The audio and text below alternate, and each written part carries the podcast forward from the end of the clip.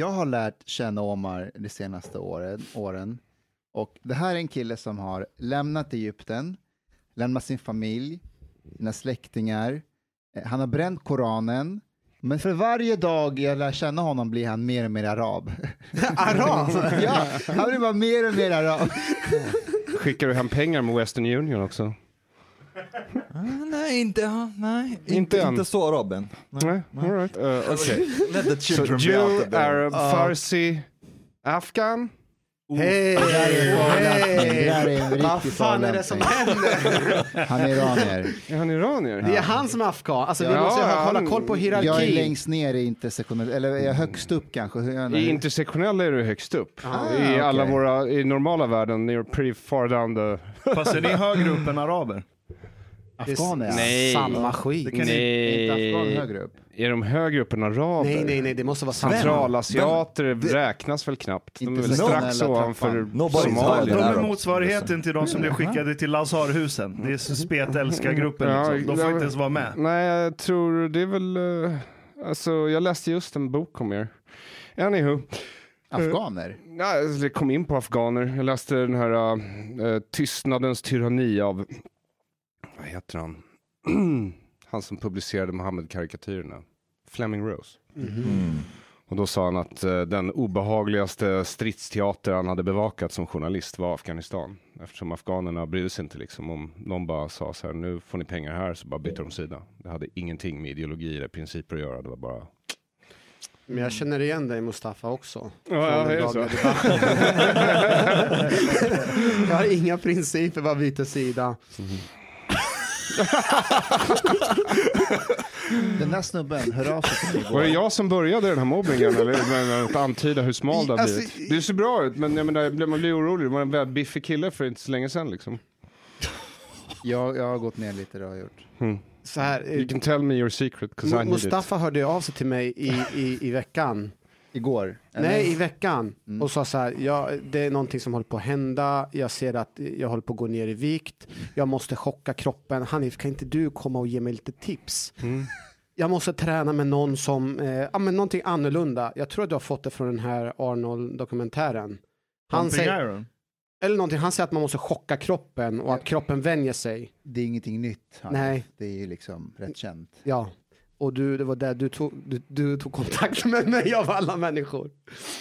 Och sen när vi var på gymmet och skulle träna och jag skulle, vi skulle köra marklyft, då ville inte du ens köra marklyft. Nej men för att jag får lite strul med ländry- ländryggen när jag kör tunga marklyft. It's too bad that Mustafa's look to Hanif is not coming in in this conversation because he's like giving him a penetrating look like what the fuck are you saying man? Jag, jag, jag är irriterad på honom för att efter gymmet igår så erbjuder honom gå hem till mig och äta en semla som jag köpt för honom. Aha, Och han bara, han dissar mig och går hem.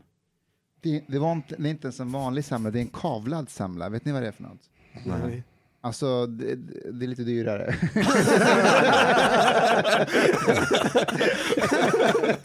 Men alltså, du, du har, menar på att du har gjort semlan själv? det är klart jag inte gjort. Jag vad spelar det för roll? Jag tänkte om det var så att du hade gjort det själv, då förstår jag att du känner dig lite kränkt, för det är lite mer personligt. Men jag tänkte, tänkte att du skulle bara svänga förbi någonstans och ge mig en semla, kanske något undermedvetet, du vill att jag ska bli tjock medan du ska...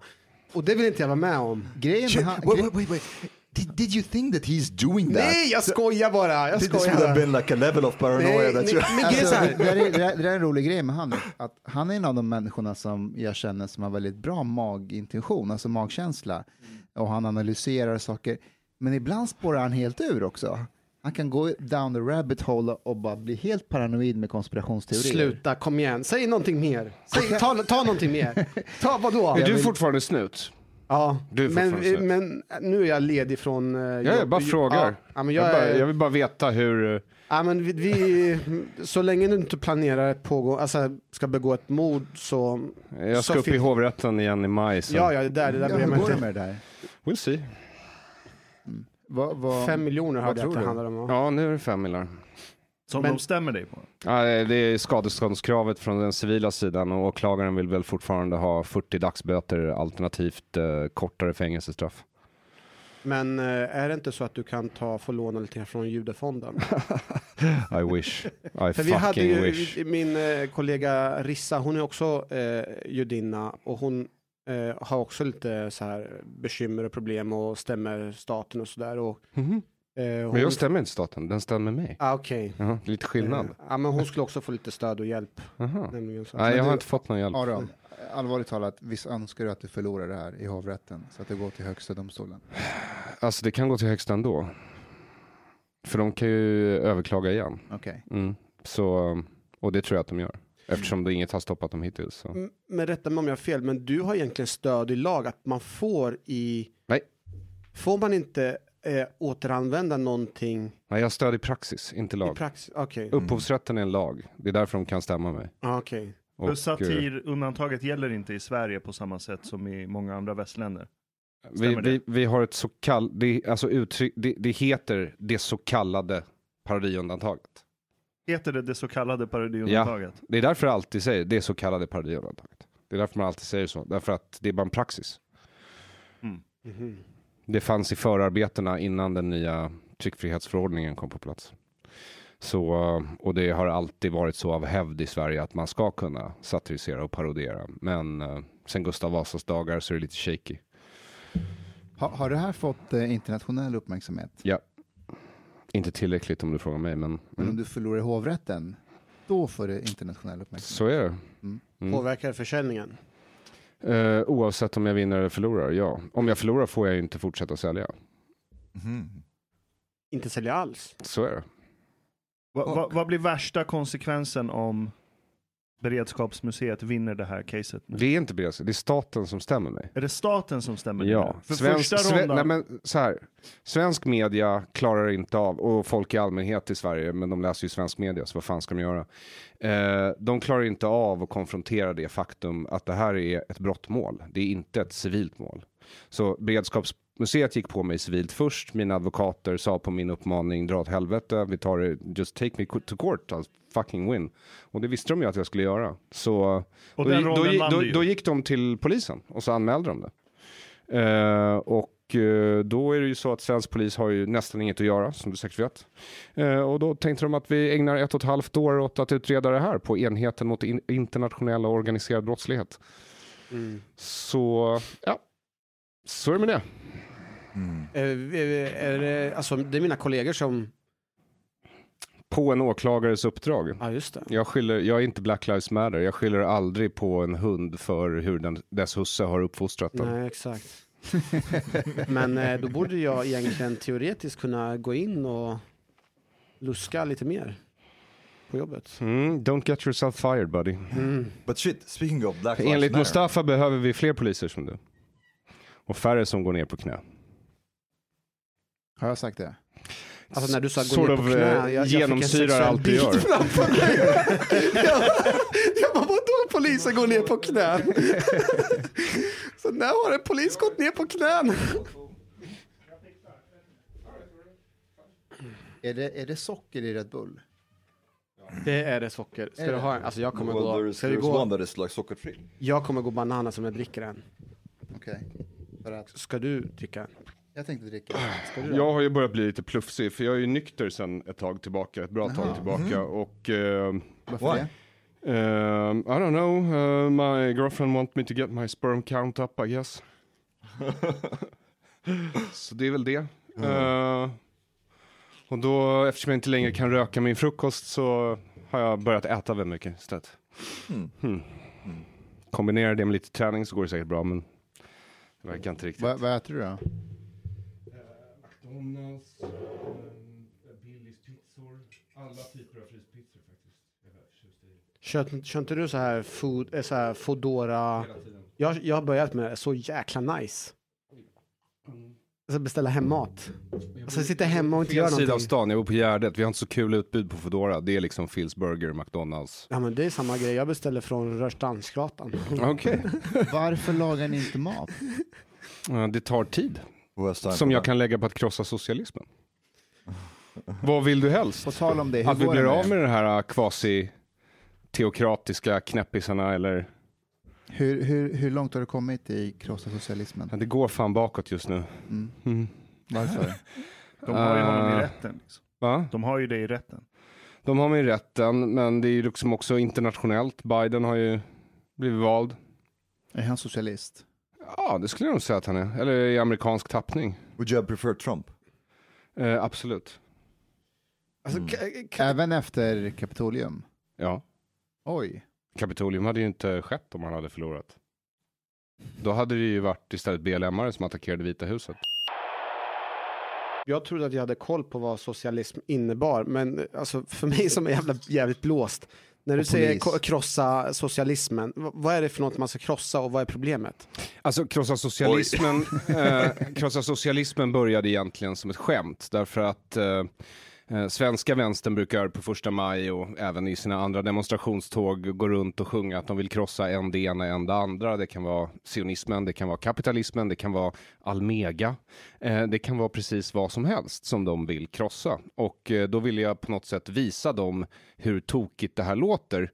Eh, Så då, lät jag, då gick jag liksom i första maj-tåget, sossarnas, med en skylt där det stod eh, krossa socialismen. Och de blev väldigt, väldigt illa till mods och tyckte att det här var väldigt aggressivt språkbruk. Och då Just gick det. de ändå bakom mig och skrek krossa Almega, krossa Almega, som är någon sorts jäkla facklig tjänstemannaorganisation. Eh, så eh, det var väl så vill. det började och då gjorde jag muggar och t-shirts på det temat också. Det är ju egentligen bara en spegling av deras okej. eget språkbruk. Så du menar fast- inte det egentligen? Alltså jag tycker ju socialism är en stendum, stendum ideologi, men, men eh, Varför? jag är ju för yttrandefrihet, därför att den är kollektivistisk och eh, ja, kollektivistiska rörelser har en tendens att bli lite stendumma. I Jo alla tack, fall om, det vet jag. Ja, i alla fall om de blir tillräckligt liksom, extrema och får ha makt för länge. Och det kan man väl lugnt säga att sossarna har haft i det här landet. Mm. Eh, Det förvrider huvudet på folk. Eh, Och jag ser det också som det största problemet i just det land jag bor i, vilket Mm. är Sverige. Liksom. And you describe yourself as libertarian, right? Uh, well, I, yeah, I used to be more hardcore. I'm like a classical liberal, s- sort of John Stuart Mill. Mm. Alltså, men eh, jag är inte, jag, jag bor ju liksom i eh, en extremt utbyggd välfärdsstat, så jag är en extremt kompromissvillig eh, libertarian. Men, eh, inte för att eh, vara en så här, gå någon så här identitetspolitisk eh, väg, men hade vi fyra varit här om vi inte hade varit för socialismen? Alla, alla, alltså, tänk, tänk menar- Ja. hur många iranier kom inte till Sverige? Som inte kom? Ja, som hamnade i USA, Kanada, Eh, Storbritannien. Shahs och Sunset. ja. Det är nog många. Exakt. Ja. Så det här, och det som en gång du sa, Mm. det var väl någon som hade anklagat dig, varför är du inte tacksam för Sverige, Omar? Right. Hur kan du ha dina åsikter? Du bara, så hade inte jag kommit till Sverige, hade jag dragit till Tyskland eller någonting. Men är det inte lite grann på grund av den ideologin som ändå Omar har kommit till? Nej, det, det, Det har det, är ingenting med det att göra. det är narcissism på nationell nivå, där man tror att det är bara Sverige som kan rädda Nej, det, var inte mänskligheten. jag, det var inte det jag sa. Okej. Jag, det var jag sa inte det bara Sverige. Jag bara säger, finns det inte någonting i den eh, sättet att tänka som gör att vi befinner oss här? Nej, det är öppna Inget. Ja, jag, jag kan ingenting. nog säga ja på den frågan, Ja. därför att jag är ju här eh, för att sossarna, de svenska sossarna hjälpte Hitler att bygga upp tredje riket. Så eh, jag kan absolut säga tack sossarna för att jag får leva här. Så, ja, Hur många minuter tog det innan vi gjorde en Goodwins law här? vadå Goodwins law? Han lag? nämnde Det inte här är ju- Hitler. och för Nej, det är sant. Nej. Men det var ju nära, det var en synonym. Men är, är, är jag blåst, Ashkan? Eller? No, no, but, but, Men alltså har vi börjat spela in? Jag sa ju jättemycket tokiga grejer. För att jag trodde att vi bara försnackade. Nej, det finns inget ja. försnack. Så här, jag, jag, ser, jag delar din passion mot krossandet av Socialdemokraterna i Sverige. Inte för deras ideologis skull per se, utan för att de har haft en, de har ju ägt svensk makt längre än någon annan politisk kraft via Mm. demokratisk väg. Mm. Och jag tror att det är många svenskar som inte har koll på sin historia whatsoever. Mm. Hur, många svenskar tror att Sverige är en del av väst. Men rent kulturell historiskt sett så är Sverige inte en del av väst. Mhm. how do you mean? Sve- Sverige tillhör mer östblocket än västblocket. Absolut. Jag, jag vill kvotera en bok som jag började läsa för ett tag sedan. Ehm, Even today Sweden resembles some retarded society hurriedly assimilating itself into a stronger civilization from the west. Och jag tror Huntford. det, exakt, the new totalitarians. Och det är en ganska bra, snabb historisk revy över hur Sverige kom till och vilka kulturer den har influerats av. Och jag tror att det, det, det citatet är väldigt talande, för man måste fatta att Sverige har aldrig varit en del av väst egentligen förrän ganska nyligen. Och så har vi haft någon så här mindervärdeskomplex där vi försöker bara assimilera oss till någonting vi tycker är coolare än Sverige själva. Jag brukar ofta se det som det germanska höglandet. Det är lite som eh, tyska skottar eller något. Fast eh, kanske inte riktigt lika aggressiva på fotbollsmatcher. But but Aaron, where where do you draw the line then? Like if Socialdemokraterna here are socialists, yeah, would you consider the Democratic Party in the U.S. socialists? Uh, I would say they're definitely heading that way and uh, uh, faster than you might think. Mm. Yes, Mm. and I and I consider that a problem. Eh, för eh, det fina med USA Mm. är ju konstitutionen som är liksom rent upplysningsarv. Eh, och den är individualistisk och frihetlig. Och socialdemokratin bryr sig inte så mycket om frihet. Den bryr sig mer om trygghet som är ett helt annat värde. Och den är kollektivistisk. Och vad gäller socialdemokrati i allmänhet eh, så kan den ju ha olika underliggande filosofi. Men just den svenska kommer från en filosofisk skola som kallades för värdenihilism och som alltså inte tror på moral och etik överhuvudtaget, vilket innebär att den tror att makt är rätt. Så den som är starkast är den som är mäktigast och därför har den per automatik rätt. Det var med den logiken de stödde Hitler under andra världskriget. So, so you you would say that Socialdemokraterna they have no morality or ethics? Or I would say that, yes. You would say that. They don't understand principles at all. De har värdegrunder, inte principer. Skillnad. Värdegrunder är olika papper för olika situationer som instruerar de små kollektivisterna om hur de ska handla när de stöter på problem. Och det jag tycker är intressant, det är hur lätt en hel befolkning bara tar emot det som sägs från ovanifrån utan att göra minsta motstånd. Och det har att göra just med att Sverige aldrig varit en riktig del av västblocket. Utan man har varit helt isolerade, både geografiskt, vi har ju hela skärgården runt hela Sverige som har gjort det historiskt sett svårt för andra länder att invadera. Eh, Och eh, klimatet här uppe gjorde att det blev befolkat ganska sent. Så du har haft ett folk som har levt här uppe, men ganska brutalt isolerade från resten av världen. Förutom eh, vikingarna någon gång började göra, de var ju handelsmän, så de gjorde ju någon resa ner mot Ryssland och etablerade De var Kiev. typ Isis on the sea. Vad sa du? Isis on the sea. Ja, fan det är jävligt bra beskrivning. Dödskult på havet Ja, liksom. ja exakt, Nordpols Isis liksom. Mm. Och, så de har ju varit en sväng nere i Ryssland, de etablerade Kiev om jag inte missminner mig. Sen eh, blev de förbipasserade för att det öppnades upp andra handelsvägar, så då blev Sverige återigen isolerat. Så det har varit noll konflikt. Vi har aldrig varit en del av Europas medeltida decentraliserade system, där man kulturellt liksom präglas av att vi behöver inte någon övermakt, vi behöver inget centralt styre för att klara oss. Vi kan göra deals mellan varandra och lösa våra problem själva. Så Sverige har haft en historia med centralstyre väldigt länge, av geografiska skäl. Mm. Och som ett resultat kulturella skäl. Från Så Gustav Vasa och framåt, så 1523 och framåt. Mm. Och det har skett ostört utan några revolutioner, så det, är liksom, det är bara en byråkratisk koloss som bara har vuxit och vuxit och vuxit och vuxit och vuxit. Sva- Svag adel också här. Mm. Stark kung, starkt bondesamhälle, svag adel. Vilket är motsatsen till stora andra delar av Europa. Och en annan sak jag tycker är fascinerande, det är att här, Sveriges grundare Gustav Vasa hyllas mer för sina byråkratiska skills än krigsskills. Mm. Det är faktiskt sant. Han, Han var väl som- bättre på Ja, byråkrati också. ja, men hela den serien av kungar var ju superbyråkrater. Mm. De var inga ordentliga warriors. But but it's still interesting that you make a difference between värdegrund and morality or moral principles. Yes. Can you elaborate a bit on that? Ja, men du kan ju vara konsekventialist, alltså konsekvensetiker och, och, och basera din etik på huruvida utfallet av dina handlingar blir bra. Eller så kan du vara pliktetiker och så kan du utgå från principer och då kommer den krocka med verkligheten. Och eh, jag skulle nog säga att svenskar är oerhört konsekvensetiska, eh, vilket är fine. Alltså, jag dömer, alltså, ett etiskt system, det är bra att du har något etiskt system överhuvudtaget, men om du som svenskarna från sossarna och framåt börjar basera det på att det inte finns någon moral och etik överhuvudtaget, eh, då kommer det gå jävligt fel jävligt fort. Och så kommer du börja tänka på liksom, så, här, men de här alkoholiserade slamporna vi har, de producerar ju efterblivna barn. Ska vi inte snippa dem lite så att de inte kan få barn? Och sen så gör man det. Så här 60-70 tusen av dem. Eller eh, så kanske man tycker att ja, men, eh, samer, det är ju efterblivet det här med samer. Ska de verkligen ha sina barn och uppfostra dem till att jojka och springa runt på fjället efter renar? Nej, det tycker jag inte. Vi tar dem ifrån dem och så sätter vi dem i...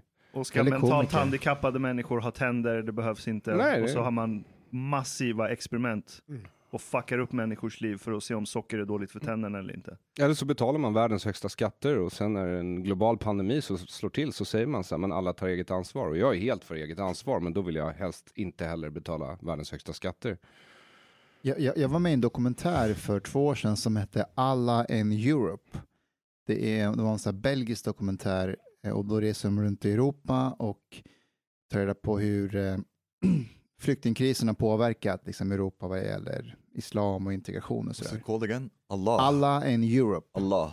Uh, In mm, Europe, Okay. ja. Mm. Och, eh, och så var de i Skandinavien och så när de kom till Sverige så träffade de mig och då säger programledaren till mig att han har varit i Malmö, Göteborg och pratat med nyanlända om Sverige och sådär. Då sa han att varje gång han träffar en nyanländ och ställer lite frågor så här, på ett du vet, så här, flyktingboende och sådär, då är det alltid någon ansvarig som är med i bakgrunden och typ observerar samtalet. Och när de kommer in på så här, islam och sånt där, då kommer alltid en ansvarig och bara, nej men nu, nu avbryter vi, vi ska inte prata om det där. Och då sa han till mig att eh, Sverige är, det här sa han till mig off camera, han sa så här, Sverige för mig är ett av de där sista eh, länderna i öststaterna som håller på faller, sa han. Eh, det är mitt intryck av ert land. Han sa att de här personerna som kommer och avbryter mig när vi ska prata om eh, islam och integration och sådär, det är inte så att staten har sagt till dem, utan de gör det bara på automatik. Det, är ingen som kollar dem, de, de bara gör det. Som att man ska göra det. Och han skällde ut en av de här och sa så här, låt mig prata med den här människan. Mm. Han är en individ, han bestämmer om han vill prata med mig eller inte. Du kan inte komma och lägga dig i bara sådär. Um, ja, det var lite, och, och Tim Pool när han var här för två år sedan, tre år sedan. Eh, jag var den sista som var med i hans eh, program innan Mm. han åkte tillbaka till USA. Och eh, han sa till mig så här, jag måste härifrån, sa han. Det är något som, det är, något som är skumt med Sverige, sa han. Det är något, han bara, jag, jag, jag, jag vet inte vad det är, men det är något som inte stämmer här. Jag måste sticka härifrån. Det är väldigt svårt att sätta fingret på. tog mig 40 år av mitt liv och då har jag ändå vuxit upp här. Mm. Men det är väl ändå vissa specifika frågor va? Som Nej. det är censur, eller Han, tyck, han tyckte att allting var bara så här weird. Han sa så här, Creepy. ja, allting? han, han sa att allting var creepy. Till exempel så hade han en psykolog med i sitt program som skulle prata om Sverige och om tillståndet. Och den här psykologen ville ju inte att hans ansikte skulle synas. Och han bara så här, hur är det möjligt? Det är, en, det är en psykolog som ska prata om sitt arbete i princip och sätta en diagnos på. Han vill inte att hans, hans ansikte ska synas i mitt program. Varför? Men jag, kan, jag kan känna igen det från 2015-2016 för det var ju många journalister som kom och intervjuade även mig i mitt arbete som polis i förorten. Och när de började prata om invandring så kände jag själv att jag censurerade gärna mig själv. Jag ville inte prata om det. Mm. Jag ville gärna eh, prata om annat än just eh, fenomenet personer med utländsk bakgrund. Ni, Så, ni vet de här dokumentärerna som görs ibland när någon får access till Nordkorea och så får de åka dit och filma och Ja, visa hur det är. det. Och då planerar ju nordkoreanska staten ordentligt. De sätter upp liksom statister som handlar i butiker. Det är folk som är på flygplatsen fast de bara typ har en flyglinje till Kina. Så de bara planerar och gör ett stort skådespel där det ser ut som att nej men det här är ett helt vanligt land. Det är så jag ser Sverige fast det är så hela tiden. Mm. Utan att, utan Utan någon- att det finns en regissör så är det bara planerat. Att nej men vi är ett så här västland och det är mm, si och så. Men kulturellt innerst inne, Sverigebilden, exakt. Det är ett permanent skådespel. Medan innerst inne i kärnan så är det den här äh, liksom residualen, kvarvaran av vår koppling till öst. Ja, Har ni sett den här bilden på, på Nordkorea där, där, där en journalist åker till Nordkorea för att göra ett reportage om Nordkorea? Så är det ett foto där journalisten liksom pratar med någon och då är det en från staten som filmar journalisten.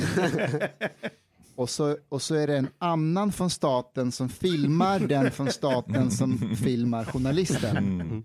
Mm. Sverige är så, alla är så på det sättet. But but I, but Och, och bara säga, det är inte bara invandring, det här är feminism, det är klimatfrågan, det är Narkotika. abortfrågan, narkotika. Det här får Mm, inte mm. reduceras till invandring. Det är många Det har ämnen. inte med invandring att göra. Nej. But like, Men- it men Det, det är en stark tabukultur. Fast det, fast det finns någonting som slår, slår tvärtom åt andra hållet. Jag tänker på eh, Lars, vad heter han? Lars, Lars Nor- nej? Lars Norén, var det han som dog nyligen? Ja. Ehm, så, så var det ju, vad heter det, vad heter han den här, eh, Magnus? nej. Jonas Gardell. Jonas, så heter han, Magnus Gardell, Jonas Gardell. Han skrev ju en hyllning till honom eh, i Expressen. Jag kommer inte ihåg ifall det var Expressen Debatt eller var Expressen. Kultur. Där han eh, skrev eh, att han, hans dröm var att eh, bli penetrerad av honom. Och då tänker jag att, det, ja, det stod så. Eh, Mustafa, kommer du Jag ihåg? har det här. Jag Ja, har det här. vill du Jag läsa den? Så här skriver han, eh, Jonas Gardell. Um, något år senare jobbade jag som eh, hemmasamarit på Kungsholmen och på ICA Kungsholmstorg stod Norén plötsligt bakom mig i kön till kassan. Jag förstår att det inte är okej, men jag vände mig till honom när vi samtidigt packade våra varor. Jag stammade, starkt rodnande, att han var helt fantastisk, fantastisk och om han ville kun, eh, kunde vi inte snälla, men kanske eh, vi kunde gå hem till honom och knulla. Han hade mjuk röst, svarade tyst men vänligt och han log faktiskt när han sa nej. Fan, jag hade velat bli penetrerad av Lars Norén. För det var han var penetrerande.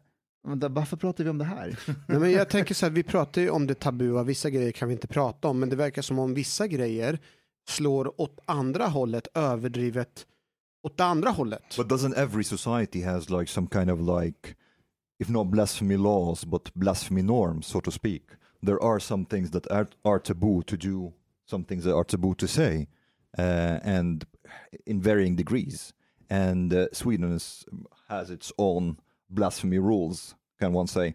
But also, it's interesting to to try to um, to tease apart how much of this is actually one cannot say, and how much of it is just like pure fucking cowardice that people just don't dare Mm. To yes, but take why the right don't to speak. why don't they dare? What are the consequences of actually having the courage to speak up? Uh, they are a bit afraid of how they would be perceived, for example, by their social circle. So that's Uh, cowardice indeed. Yeah. Yes. Um, and But- some others are afraid of uh, losing their jobs. yes. Um, So that's a consequence. Yes, that's a consequence. And uh, I remember actually you and Navid ha- had a conversation about just this free speech and the consequences, and like if somebody loses their job, is this like something to think about or not? And I think Navid was a bit. He, he did not really think that this is something that sh- we should take into consideration if I interpret Ja. him correctly. Och anledningen är att Navid jobbar ju med det. Det är hans jobb. Mm. Ju mer obekväm det blir i samhället kring, eh, kring vad man får och inte får säga så är ju Navids jobb att faktiskt ta upp det i, sitt podd, i sin podd och andra sammanhang. Och det, hans jobb är ju det. Så han, man ska säga att Navid tjänar ju på det i, i, i något mån. Så jag kan förstå att han, att han kan tycka att det är fegt att vi inte vågar säga vad vi tycker. Yeah, but but that's that's the same thing. Like um, the whole thing with Alexander Bard. Uh, when I when I wrote a speech, uh, when I wrote a tweet about it, saying like, okay, it's it's a bit like um, I can't remember what I wrote exactly. It's a bit concerning that people can lose their jobs for speech or something like this, and how how is our democracy and how is free speech today in Sweden? A lot of people like really criticized what I said because they said free speech is something that is between the state and the individual, which like um, judicially could be yes but uh, what i was bringing up is how a society um, develops and how it how it um, how how is the well-being of a society when people are so scared that they cannot even exchange ideas and and and thoughts and be open with what they think Men And- Sverige har ju inte riktig yttrandefrihet. Alltså vi fick i princip yttrandefrihet 1949 och redan då var den kringskuren så du fick liksom inte hetsa mot folkgrupper till exempel. Det är därför vi har eh, den typen av lagstiftning. Och sen eh, yttrandefriheten som den ser ut i Sverige idag fick vi ju med EU-inträdet i början av 90-talet. Eh, och den är väl inte perfekt heller. Det är inte lika starkt som det är i USAs konstitution till exempel, där staten inte får den får inte stifta en lag som förhindrar medborgarna från att, det är därför det ser så olika ut liksom. Mm. Men, men är det inte viktigt att skilja på, att, eh, skilja på det att jag kan i princip säga vad som helst i Sverige, förutom hetsa mot en folkgrupp och lite undantag, utan att staten kommer och gör någonting mot mig. Jag kan sitta och prata om droger och prostitution och alla tabubelagda saker utan att staten kommer att röra mig. Däremot finns det en enorm risk med att bli socialt ostraserad. Mm. Okej, men får jag ställa en fråga då? Eh, om du var kines och sen så säger du någonting som är olämpligt i Kina, behöver inte vara mot staten, det är bara olämpligt och så, så får du sparken av ditt företag, ditt privata företag i Kina. Skulle du säga att det var censur eller inte? Det är inte censur per se. Fast Men- det är det. Det är inte censur per se. Fast det är det. Därför att Varför? Kina är inte ett fritt land. Så alla privata företag i Kina i slutändan existerar bara med statens godtycke och så är det i Egypten också. Stora, stora statliga företag som kanske är privata men de ägs av militären, militären styr staten. It's state capitalism. Och är det statskapitalism och du har stora företag som ditt land använder i princip som vapen på den geopolitiska marknaden liksom, eh, då kan du inte prata om riktig frihet. Och, och detsamma gäller när Amazon eller de går in, alltså Amazon och de här stora techföretagen, de är så enmeshed, alltså de är så intvinnade nu i demokratiska partiet och den här woke-ideologin som styr allting. Så du kan inte längre riktigt prata om det. Dessutom så är de här stora techföretagen, de är extremt beroende av politiska och juridiska beslut för att överhuvudtaget kunna existera. Och då är det inte längre prat om att det är en fri marknad. Och då är det censur. Ja, men, det, det är Och en, detsamma gäller i Sverige, därför att sossarna har suttit så länge, arbetarrörelsen äger så mycket att ingen vågar sätta sig upp mot dem. så Okej, när någon men- går med en krossa socialismen-skylt i ett tåg, liksom, eh, bara så här på skoj, en komiker, folk tappar det. Det säger ju någonting. Absolut, men jag vill skilja på ett, det som, för vi har inga stora techbolag i Sverige, det är en helt annan grej och där håller jag med dig. Eh, Att det är helt intertwined med politiska systemet, det är så många beroende faktorer som gör att de måste underkasta sig det som är, om vi ska nu vilt kalla det politisk konsensus, det som är okej att säga i USA, det som är trenden, det måste de bolagen haka på. Det är en sak, absolut. Men jag skiljer på, det är därför jag inte kallar det censur i Sverige, när jag, i, jag kan säga mer eller mindre vad jag vill utan att staten kommer att angripa mig. Men jag löper en stor risk att bli socialt ostracerad. Eller att min arbetsgivare tänker, nej men Ash kan skapa dålig stämning på jobbet och så kan man rättfärdiga att jag får sparken på grund av det. För att jag kanske vill debattera droger i fikarummet eller vad det nu är. Anledningen till att jag skiljer på det, det är för att det är två olika faror. För att om, om jag bor i Iran till exempel, då vet jag vem som är min fiende. Jag vet att det är staten jag måste akta mig för. För att det är de som försöker tysta ner mig. Det är de som inte låter mig säga vad jag vill. Medan när jag hela tiden måste akta mig för vad folk tycker, speciellt i ett klimat där folk inte säger vad de tycker. De kommer sluta ringa dig lite mer och så kommer På de typ fyllan ser man vad man tycker. Yeah, på b- fyllan but- kommer de säga du Ashkan, det du sa i fikarummet det var fan jävligt bra. Men de kommer sluta ringa dig och bjuda dig till middagsfesterna. Och så kommer folk inte sitta bredvid dig i fikarummet. Och det är en helt annan sorts mekanism som driver det. Well, I agree, but like at Så the know your fucking enemy. No, but uh, I agree. But at the same time, if we look at the consequence that is produced by that, like we can tease apart also like several. Like for example, uh, if one is afraid of like what their friends think, their social circle, and so on, yeah, I agree. It's not as severe. But if you would lose um, your capacity to even like be like your job and your capacity to to like uh, afford a living, uh, then the consequence of that becomes in practice censorship or because sens- self-censorship is also a thing so maybe you would self-censor yourself because you don't want to lose um, your bread yeah uh, and what i was trying to to highlight there is that there are the, there is a certain cultural climate that is conducive to freedom of speech and there is a certain cultural climate that is not and i Yeah. would say here in sweden the climate right now is not conducive to freedom of speech Jag håller med dig, men det är det. För att få bukt med det, för att få bukt med att du har en social kultur som hindrar dig från att säga vad du vill, det har en helt separat lösning, anser jag, än om det är staten som faktiskt aktivt hindrar dig från att säga vad du vill. Det är därför jag tycker det är skevt att blanda ihop de två sakerna. Låt oss säga att det fanns en komiker av judisk börd som ville skriva en bok om socialdemokratins historia under andra världskriget och sen så använder han en, en nationalsymbol som ägs av ett privat museum. that's a bit difficult to imagine Ja, ja, it is. It's a stretch. But just open your mind real wide now. Eh, ja. Och sen så trycker han den boken själv, för det finns inget förlag som vågar ge ut den överhuvudtaget. Inget. Okej? Så han måste starta eget förlag, han distribuerar själv, han trycker inte ens i det här landet, han trycker i Litauen. För Ja. att fastställa en kontrollfråga, eh, var, att ett förlag i Sverige inte skulle våga tryck, trycka den, är det på grund av innehållet eller någonting annat? Alltså om du frågar staten så har det ju bara med omslaget att göra. Mhm. Mm. Men sen så återkommer ju åklagaren hela tiden till innehållet därför att eh, argumentet nu när de ska upp i hovrätten det är ju att innehållet i boken är ju seriöst så hur kan då omslaget vara parodi? Så det går liksom inte att skilja en bok från dess omslag riktigt. Ja, okej, jag Ja. fattar. Eh, inte enligt eh, tryckfrihetsförordningen som den egentligen såg ut förr heller. Eh, och då är det ju eh, de facto så, om det här exemplet liksom inte var hypotetiskt, eh, att vi inte har yttrandefrihet i Sverige.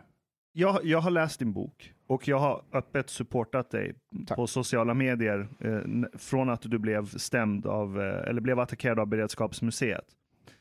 Och, men vi kan ju inte bevisa att det är staten eller statens agenter som har under jo. ytan Nej, det är inget under ytan, det är rakt, rakt på. Därför att, precis som jag började säga innan jag förstod att vi faktiskt hade börjat spela in, så, så är det ju så att eh, hade Beredskapsmuseet velat, velat stämma mig så hade de kunnat göra det. De försökte ju. De sa ju så här, vi tänker stämma dig. Och då sa jag, ja men ta mig till domstol då. Då är det civilt mål. Ja, då riskerar ju de rättegångskostnader. Istället så gick de och anmälde mig till polisen. Och sen så har polisen utrett mig, de förhörde mig. Efter förhöret, när jag går in och säger så här, ja men ni har utrett mig i ett och ett halvt år nu eller någonting. Och eh, om ni googlar här, bara lite snabbt, det tar 30 sekunder. Oj, komiker, satiriker, har jobbat med den här typen av uttryck förut. Ja, men några veckor senare så beslagtar de böckerna. Eh, det där är ju ren skrämseltaktik. Det fattar ju vem som helst. Alltså det, du, och, sen, och sen är det så att när en åklagare väcker åtal, då är det inte ett privat museum som stämmer mig. Utan det, en åklagare är en representant för den svenska staten. Så om den åklagaren har väckt åtal, det är liksom ingen konspiration. Det är svart på vitt, rakt där. Men de fortfarande, jag, jag kan köpa att det finns ett hat mot innehållet i den här boken som gör att människor rättfärdigar att ja, men det här är värt att eh, följa upp. Att staten väljer att följa upp att gå på dig för att de anser att du har brutit mot någon sorts upphovsrättslag. Det är ju det du stäms för, inte innehållet i boken. Nej, men, men precis som jag säger så är det liksom en konstig grej. Därför att eh, hade jag sålt en vara som var en kopia av Beredskapsmuseets turistbutik, alltså handdukar med en svensk tiger på, men det är ju inte det jag har gjort, utan min tiger är ju inte originaltigern. Det är ju en vet. tydlig parodi. Ja, det är en Ja. väldigt tydlig parodi. Ja. Jag köper det. Och så, så det råder ingen tvekan om det. Jag håller med. Det Men- råder men- ingen tvekan i min värld heller att ditt användande av tigern är 100% Och parodiskt. sen i skrivelse efter skrivelse, för det är ju massa yttranden som skickas fram och tillbaks eh, innan det blir rättegång till exempel och även efter nu rättegången när vi ska överklaga eller motståndarsidan har överklagat så är det massa yttranden som skickas fram och tillbaka mellan parterna och då återkommer ju både Beredskapsmuseet och åklagaren hela tiden till innehållet i boken. Men är, är det... På vilket, tiden. på vilket sätt då? Hur, hur Ja, använder men de innehållet det i nya boken? argumentet för att överhuvudtaget få gå upp i hovrätt nu från åklagarsidan är eh, eftersom innehållet i boken är seriöst så kan inte teckningen på omslaget vara en parodi eller satir. Och det stämmer ju inte därför att slår upp parodi eller satir i ett land som har humor, låt oss säga England, eh, ja då tar du Cambridge Dictionary eller Oxford Dictionary, då står det ju klart och tydligt att parodi och satir kan ha ett allvarligt innehåll, ofta politiskt, riktar udden mot makt. Jag är helt öppen med att Sverige lider av total humorbrist. Absolut. Och jag, jag, jag är på din sida när det gäller att det, det är parodi när, vad gäller ditt användande av tigern. Alltså det är mitt argument i alla fall. Ja, men, och jag köper det argumentet, Mm. men, det och, men de använder ju inte texten för att säga att din text bryter mot något lag, du får inte publicera den här texten. De använder din text för att säga att din tiger inte är en parodi. Och visst, jag kan till och med sträcka mig så långt och säga att det här är bara en taktik för att tysta ner boken. Okej? är Jag kan sträcka mig så. Ja, men, jag, jag har inga problem med att vara lite konspiratorisk ibland. Jag är helt Det här är ingen det. konspiration. Konspiration är någonting som sker i det fördolda. Det här är helt Fast, eh, öppet. fast vadå, du kommer ju kunna... Förundersökningen du kommer men du finns, kan ju- du kan beställa kan ju- ut Men du kan ju fortsätta att sprida din bok ändå, du vill bara byta omslag. För att jag vann. Ja men eh, om, om man säger så här, om, stat, alltså, om staten skulle vilja göra det, då skulle man ju vilja göra så att du inte kan det, men du, du kommer ju kunna fortsätta sprida Ja, men, bu- så- budskapet och innehållet. Så jag kallas på förhör, sen beslagtas mina böcker. När mina böcker beslagtas, då kan jag inte längre sprida min bok. Jag var ju tvungen att gå till domstol för att få tillbaks böckerna. Och sen så vann jag. Och en av de eh, yrkanden som fanns i åtalet mot mig och som finns även i det åtal som kommer gå upp i överdomstolen nu är ju ett vitesförbud. Att jag, inte att jag inte ska få fortsätta sprida det här. Även om du byter omslag. Nej, om jag byter omslag kommer det bli svårt för dem att hålla kvar det argumentet. Men, Precis. men, men det jag som kommer ja. inte byta omslag Och- och- därför att jag anser mig ha yttrandefrihet. Och det är en så kallad princip. Jag supportade, i jag supportade, i värdegrundsland, det men- krig, jag supportade det kriget. Tack. Min poäng det är att för att lösa det här sättet att bli nedtystad på, det är en helt annan lösning än om staten censurerar det du faktiskt har att säga. Och för mig så är lösningen, och det var det jag pratade om med Navid när jag var med senast i Hur kan vi? Det är att, eh, och det han menade egentligen så som jag tolkar det, det är att i Sverige vet du på ett ganska bra ungefär vad som är tabu och inte. Så om du väljer att gå på tabun så kan du inte efteråt låtsas vara chockad att folk kommer försöka lacka ur på dig eller tysta ner dig. Då får du skylla dig själv. Och det är det jag egentligen vill lyfta fram. Det är egentligen det George Carlin och Lenny Bruce alla de gjorde i USA för länge sedan. När de gick emot sättet man inte fick uttrycka sig på på tv. Det var vissa ord man inte fick säga. Så då gör de en kulturell revolt. De skiter i det och säger det ändå, så får de ta konsekvenserna för det. Och för mig är det enda sättet att bryta den här kulturen. Ja. Inte gå och säga att staten försöker censurera det, eller svenska försöker censurera det. Det kommer aldrig flyga. Det är som att kalla SD-människor för rasister, eller de kommer inte se sig själva som stopp rasister. och belägg, Ashkan. Ser jag chockad ut? Tror du att jag inte vet vad jag gör? När jag har lagt ner år av tid på det här projektet. Jag är ju på show, don't tell. Jag säger inte att du inte vet hur du gör. Jag vet exakt vad jag gör. Eh, och jag är på show, don't tell. Så ja, jag gör en kulturell revolution. För jag vet att jag har gått över ett tabu. Men det är ju ingenting i lagen som förbjuder mig att göra detta. Och jag blir ändå åtalad. Så det som stör mig, det är inte det faktum att det här händer. För jag vet att det här händer. Jag är ju inblandad i processen så att säga. Eh, det som stör mig det är till exempel att svensk media och alla, de, de tror på riktigt, eller så bara skiter de i att göra sitt jobb och säger så här, men Beredskapsmuseet har åtalat Aron Flam som att ett privat museum kan driva åtal inom, inom straffrätten. Det, det är inte så det funkar. Point. Och skälet till att folk bara skyndar förbi den där informationen, det är för att om de verkligen tog sig tid att titta på det där och tänkte sig, men åklagaren är en representant för staten, staten har faktiskt åtalat Aron Flam eh, i det här hypotetiska exemplet, för det har ju uppenbarligen inte hänt, eh, då måste de ju plötsligt börja ställa riktigt svåra frågor till sig själv. Poäng. Och det är så, ingen som har gjort det. poäng. Så Aron Flam begår kulturell revolt. Det jag har inte sagt det, that's your words. You know, jag står för dem. But, but there's also a difference between being shocked at breaking taboos or going against taboos and um, being angry or not accepting the consequences of that. Um, if you take, for example, countries that have like actual blasphemy laws, um, you cannot like say, "Yeah, it is your fault that you criticized Islam. What did you expect?" You know, this is still unacceptable. Ja, Yeah. men du gör revolt mot två olika system. Antingen gör du revolt mot kulturen eller så gör du revolt mot staten. För mig är det två olika saker. Eller det kan vara två olika saker. Det borde vara två olika saker. Ja. Om jag, om jag är i Iran och pratar skit om islam, ja, jag förväntar mig att staten kommer att fängsla mig eller avrätta mig. Men jag kommer inte göra det förmodligen för jag vill inte bli avrättad. All right, but i what if you would like the state would not do anything to you, but you will get fired from your job? Is is this like you should blame yourself then, or is Nej, nej, nej, nej, jag ska inte skylla mig själv. Det är inte Okej. det. Eller jag får skylla mig själv för att jag vågade ta den risken. Okej. Jag kan inte säga hallå, jag kan inte börja spela offer. Vad skulle hända om en iransk komiker sa God is not great because he has created the infidels? Fängelse. Fängelse. Eller? 14 piskrapp.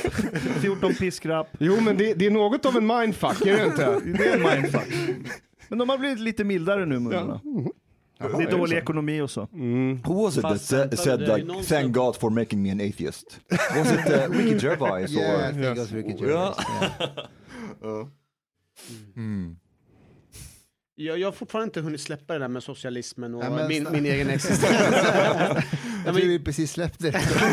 Men jag gav ju dig ett svar. Jag är, är oerhört tacksam för att Ja. socialisterna samarbetade med Hitler så att mina förfäder var tvungna att hamna i förintelseläger och sen kunde fly till Sverige. Men har du själv någon historia inom socialdemokratin eller din släkt eller något sånt? Ja. På vilket sätt då? Alltså jag har ingen, men min pappa ville att jag skulle gå med i Unga Örnar när jag var 15-16. Eh, för pappa hade partibok. Så Och, och hur, hur, hur långt sträckte sig det när du säger att han har partibok? Var han aktiv i partiet? Var... ja, det är det det innebär. Okej. Ja. Och Jag vet inte vad ha partibok betyder, så Det betyder inte. att du får ett bra jobb och har chansen att avancera i den offentliga stats i statsapparaten här. Så kan man säga att det är socialismens fel att du existerar? Också. alltså, ja, jag tror till jag ska inte sno Larry, Larry David har väl, tror jag, det skämtet att liksom eh, hade det inte varit för Hitler så hade ju hans föräldrar inte träffats, eller om det var någon annan judisk komiker. There is a point to that. Så är det ju.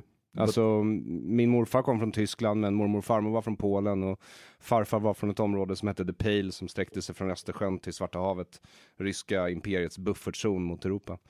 Ehm, och ehm, de hade ju inte träffats, alltså farfar hade ju fru och, och två barn innan eh, kriget så att säga. Eh, så det hade ju inte blivit någon jag om det inte fanns ett andra världskrig. But uh, apart from from uh, your fight against socialism, there are two other isms that I There, there Connect you to- isms. connect you to going against. I Yeah. would say that would be feminism and Islamism. Yes. Would you would you say that's correct? Yes. Yeah, but there's also like uh, when it comes to feminism, it's um, don't you think there's a, a risk of linguistic confusion? There definitely Yes, is. when you say that you are, because I know for a fact that you're not against, for, for example, equality of opportunity No. when it comes to the gender, and some some could hear you saying that you're against feminism, and this could be their interpretation, especially depending on on where, like for example, especially in the Middle East. If you would say that you are against feminism because it's like a totally different kind of feminism that exists in the Middle East compared to what exists in Sweden, for example. Absolut, yeah. jag har full förståelse. Men, men så här, alltså det, jag brukar ofta i Sverige säga statsfeminism eller genusvetenskap eller frenologi. Ehm, för det är väl ungefär vad det är. Men, men eh, alltså det jag är emot som komiker och har vetat väldigt länge, det behöver inte vara socialism, feminism eller islamism. Det är bara det att just nu är de rö- rörelserna sämst i klassen och största hotet mot individualism och frihet. But, but Så be. om det hade varit nationalism i Sverige som var största hotet mot frihet just nu, vilket jag inte tror, ehm, så hade jag gått på dem. But you would say it's Men- a specific kind of feminism, not feminism in general. Gender feminism, Mm. I would say in English. Eh, men uh, genusvetenskapen är som jag ser det, det är en kollektivistisk socialistisk rörelse, den är antivetenskaplig. Jag menar, vänstern älskar ju att skratta åt eh, liksom evangeliska kristna i mellanvästern i USA, att de inte tror på evolutionen. Men de tillhör en rörelse som inte tror på två kön, vilket är en konsekvens av evolutionen. Så eh, de tror inte heller på evolutionsteorin. Det är liksom en, en, en djupt antivetenskaplig rörelse. Eh, den har enormt mycket stöd från staten i Sverige. Den får liksom hur mycket pengar som helst. Den har forskning, eh, forskare, det finns institut. Den har liksom jämställdhetsintegrering, går igenom ett, över 41 myndigheter sist jag kollade. Slukade inte svenska staten upp Norges genusvetenskap när den blev nedlagd? Alltså, jo, jag tror så här, eh, i princip så utvecklades väl ideologin i Sverige och sen när ett nordiskt så här, samarbetsforum för det här skulle sättas upp så hamnade det i Norge och när norrmännen ruttnade efter hjärnevask som Harald Eja gjorde Just det. eh, så la de ner, alltså de slutade, de bara ströp finansieringen till allt som hade med genusvetenskap att göra så den självdog i Norge kan man säga. Eh, och vad som hände då var att eh, den flyttade hem till sin eh, mammas drakkula vid Göteborgs universitet där den nu ligger idag. Eh, och vad gäller islamism, jag menar Men alltså vänta, Får jag fram... bara ställa en kontrollfråga där på eh, just det att de inte tror på kön. Eh, Är det kön eller ehm, det sociala könet? Hänger ni med? Genus menar du? Eh, eller könsroller? Gender, gender or sex. Könsroller. Att Ja men de älskar att förvirra dig med allt det där mumbo jumbot och låtsasorden. För jag men- tänker könen ha- uppfattar att det är inte där de diskuterar utan det är köns, de könsrollerna som en social konstruktion. Det är där det Ja, diskuteras. fast då måste de erkänna att det finns också en biologisk konstruktion som heter kön. Och sen så måste de utgå från det och de Fast måste är väl utgå från inte- den vetenskap som finns om det och det gör de inte. De skiter helt i den. Det här kan låta som en chock för väldigt många, men Ja, det, det, finns, det, fin, det finns faktiskt eh, vetenskapliga tidskrifter som faktiskt påstår att penisen är en social konstruktion. Ja. Så där, där transcenderar de att det bara ska handla om det fysiska, utan de faktiskt menar att penisen är en social But konstruktion. that was a parody paper though. Nej, nej, nej. Det, det, det, det är ett parodipapper som publicerades i en journal som faktiskt menade att penisen är Ja, en social ja. konstruktion. Ja. Och vad händer då om Så jag sparkar dig i din sociala konstruktion? Kommer du få ont? Eller inbillar du dig bara att det får ont? Om du... Om jag sparkar dig i din sociala konstruktion, den du har mellan benen? Jag tror att, eh, för mig är det lugnt, men jag tror att det är väl lite grann samma sak som... okay, we need to we need to explore this a bit. Nej, men jag, tänker, jag, tänker, jag, jag, jag, tänker, att- jag tänker att det här är samma sak som... Vad gjorde vänta, de vänta. på Mujahedin? Vänta, Jag tänker att, Opererar de bort nej, men jag, penisar? jag tänker att det här är samma sak som du pratar om Mustafa, att det här är samma... Nej, det är inte samma Nej, sak vänta, som jag lyssna, lyssna. Är det inte det här samma sak som när man pratar om religion, att man kränker ens religion, man blir så kränkt och om man om man eh, angriper den här, eh, den här frågan så känner man sig kränkt ändå för man har uppväxt med de här föreställningarna. Mm. Och att det, det, är ju, det är ju så pass tabubelagt så att man så att det är ju oerhört sårande. Alltså om jag, jag har faktiskt testat det några gånger på föreläsningar när jag pratar om radikalisering och då brukar jag alltid prata om polarisering. Och i polariseringsprocessen så finns ju också att man ställer kvinnor och män mot varandra. Mm. Och jag ser ju hur trying alla, to start gender wars. och jag ser ju hur alla börjar skruva på sig in i salen. För att 99% av alla är ju för det mesta kvinnor på, inom offentlig förvaltning som lyssnar på mina föreläsningar. Mm. Och det är ingen som accepterar den här teorin heller, att det pågår en polarisering. Och det är någonting som vi håller på med. Så jag, jag är med dig på så sätt att... Eh, Ja, Problemet som jag ser det med marxismen, det är att den låser in klasser i en kamp mot Mm. varandra. Det är en mytologi i sig, den är inte särskilt vetenskaplig, men samhällsklasser finns. De är dock inte eh, oföränderliga karaktärsegenskaper du föds med. I tillräckligt fritt samhälle så ska en överklass kunna sjunka ner till underklass och en underklass ska kunna ta sig upp och bli överklass eller medelklass. Ehm, vad genusvetenskapen gör är att den tar den här socialistiska idén om kamp mellan olika grupper och sen så låser den den precis som intersektionalitet gör och critical race theory vid oföränderliga karaktärsegenskaper. Du kan inte förändra din hudfärg, din sexuella lägg- läggning tror jag, eller ditt kön. Och sen så låser de det här i ett krig mot varandra och det kommer aldrig sluta väl. Mm. Och det är så det är därför jag tycker att det är ett stort problem. Jag tycker det är ett stort problem just för att det här är en del av maktens ideologi i Sverige sedan länge och det har spritt sig genom västvärlden som en löpeld och det gör alla helt knäppa i huvudet. Men- Eh, och jag bor i Sverige som komiker. Hade jag varit komiker i till exempel USA, ja, då hade jag säkert skämtat mer om religion för det är ett mer religiöst land. Eh, men här så har vi ju sekulära, nya religioner. Och om jag skämtar om kristna här, det är öppna dörrar. Alla kommer garva. Förstår du? Om jag kallar Jesus för Skyju, it's just funny. Eh, men, men, Allah is a bit, men, men det är inte speciellt huh? kontroversiellt och det är inte speciellt stimulerande för mig som komiker att gå över någonting som inte är tabu på riktigt. Eh, så då började jag skämta med, och det började jag f- 15 år sedan eller något när jag höll på med det här, eh, började med stand-up, så, så började jag liksom driva med just de sekulära religioner eller teologier eller vad du nu vill se det som dominerar i Sverige. Och jag, jag har väl i allt högre grad blivit allt mer utfryst från offentligheten som en konsekvens av det. Men jag är inte chockad för det, utan jag gör det ju därför att jag anser att det är mitt yrke. Jag tycker det är stimulerande, jag tycker att det är rätt utifrån de principer jag har, både som yrkesperson och privatperson. Eh, vad gäller islamismen eh, så är det så här att islamismen är ju, alltså islam är ju för tillfället, sorry, sämst i klassen i hela världen. Eh, Why sorry? I, I okay, with uh, you hate them. So, but, yeah, and for better reason than me probably. Eh, men, men det är liksom så här, hade det varit 25-30 år sedan, ja då hade det varit en hel del annan terrorism i världen. Men de senaste 20 åren är det ju, alltså islamistiska terrororganisationer dominerar ju fältet. Och det här är ju spilleffekter från ett, som jag ser det, inbördeskrig inom islam mellan sunni och shia bland annat. Eh, och också mellan sunni och sunni och shia och shia och det, it's complicated. Eh, men, It's a fucking men- shit show. Ja, it's a shit show. Eh, men, men, men det påverkar ju oss i väst här också, eller hur? Så, och, och det är definitivt en antivästlig ideologi och du kan säkert spåra det här tillbaks till kalifatets fall, eller alltså Ottomanska rikets fall och den förnedring som uppstod då. På, då och på det sättet så liknar det ju också det som hände eh, med nationalsocialismen i Tyskland. Alltså tyskarna kände sig förnedrade efter första världskriget, de hade förlorat. Eh, och sen så ville de återta, för Tyskland var liksom den ledande supermakten i världen, kulturellt, vetenskapligt, på alla sätt. Eh, Så de ville upp igen och eh, nazismen eh, föddes ur det. Och på samma sätt så ser jag att islamismen på något sätt har fötts utifrån att liksom muslimer kunde för några hundra år sedan, det var ju ett bra tag sedan, känna sig rätt stolta över att ja, men, alltså, Ottomanska riket var ändå typ världens största imperialistiska kraft i hundratals år. Liksom. De hade vetenskapsmännen, de hade arkitekturen, de hade konsten, de hade everything.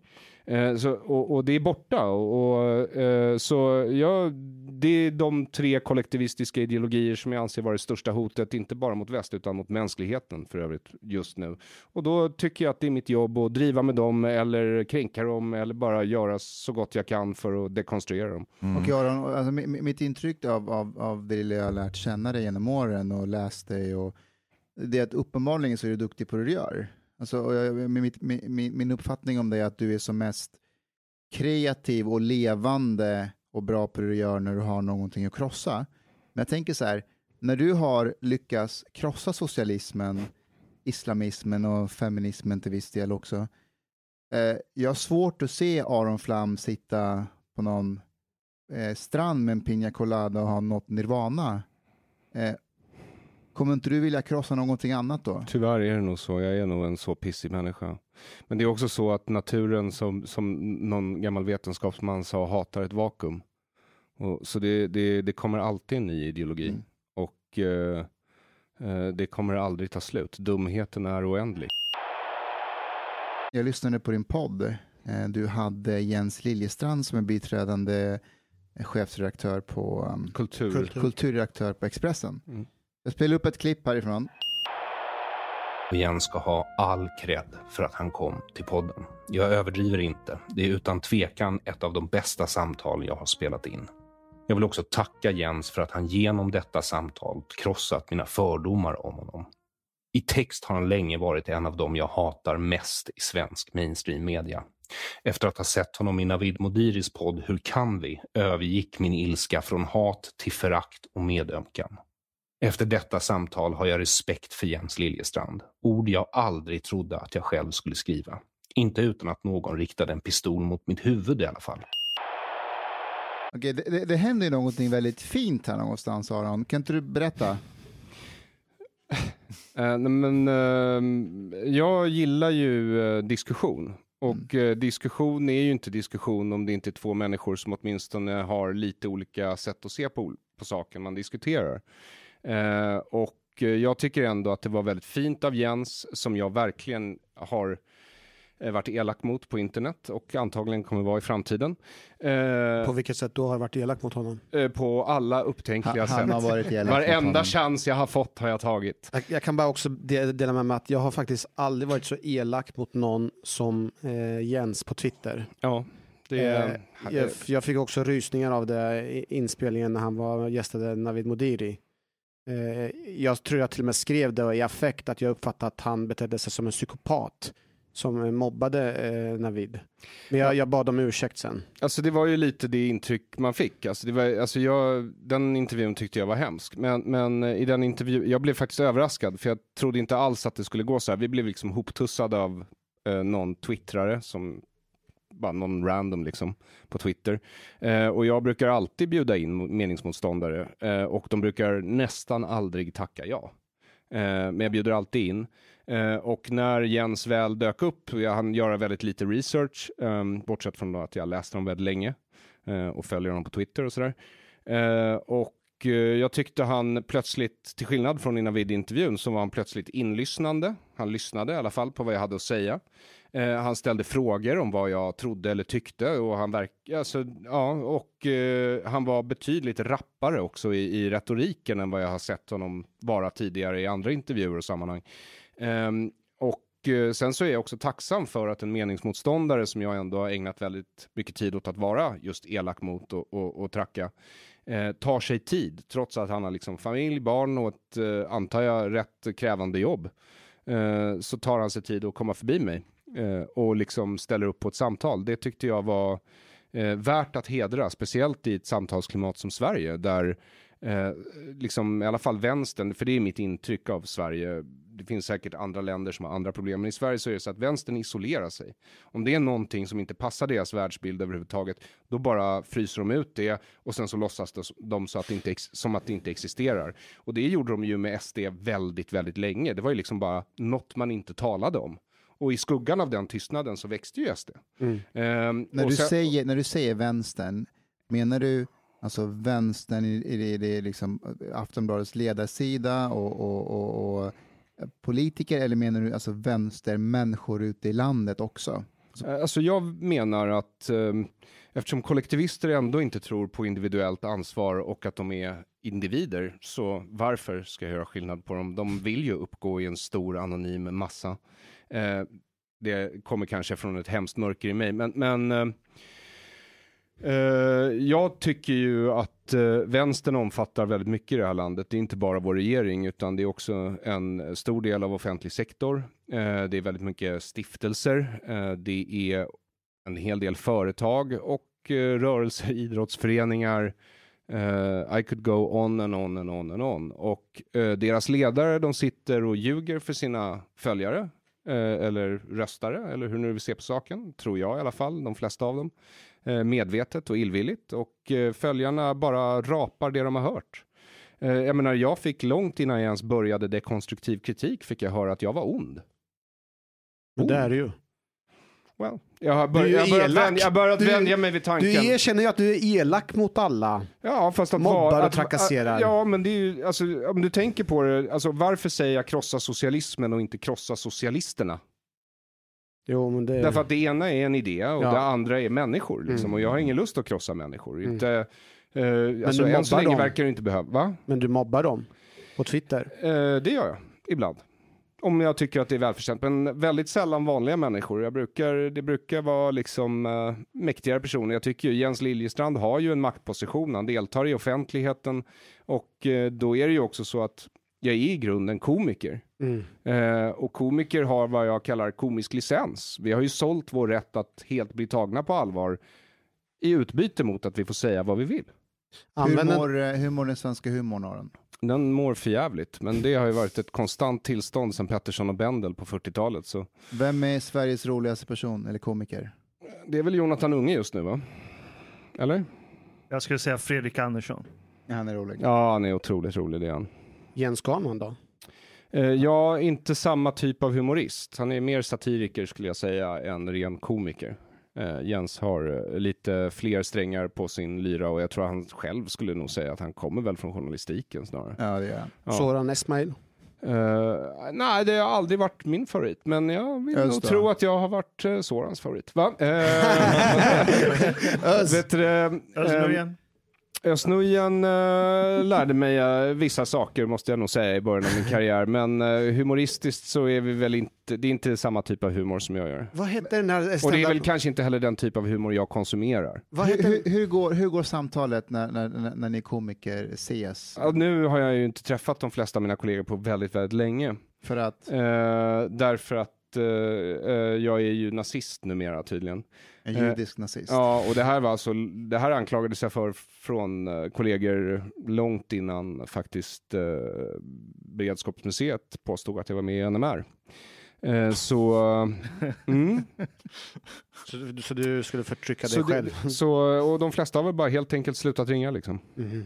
Mm. That's a, it's a sorrowful state of culture. Ja, det är okej. Mm. But but uh, to go back to the the whole gender thing, it's actually like every time somebody here in Sweden says genusvetenskap, I react a lot to, to that word because it's like gender science. It's like the only Mhm. country, I think, or at least in Scandinavia maybe, that calls it like science instead of gender studies, Mhm. if I'm not wrong. No, you're absolutely right. Yeah. Is a- Studies would be fine. Because then you're just, uh, you, du, du pluggar du humaniora och det finns uh, bättre och sämre analysmetoder inom humaniora. Men eh, i Sverige så ska ju allting vara lika. Så naturvetenskap är ju naturvetenskap, det är ju vetenskap. Och sen så kunde man ju säga social studies förr i tiden om, om eh, ekonomi, juridik eh, och statsvetenskap. Men i Sverige heter det ju vetenskap. Och då kan ju inte humaniora vara sämre, utan de måste ju också få vetenskap. Och jag tycker liksom det finns ett stort värde även i humaniora. Det behöver liksom inte vara vetenskap för att ha ett värde. En studie kan vara värdefull ändå, även om de inte följer den vetenskapliga metoden. Men, men eh, uppgraderingen leder ju bara till större förvirring i det här fallet. Aron, när insåg du att du var rolig?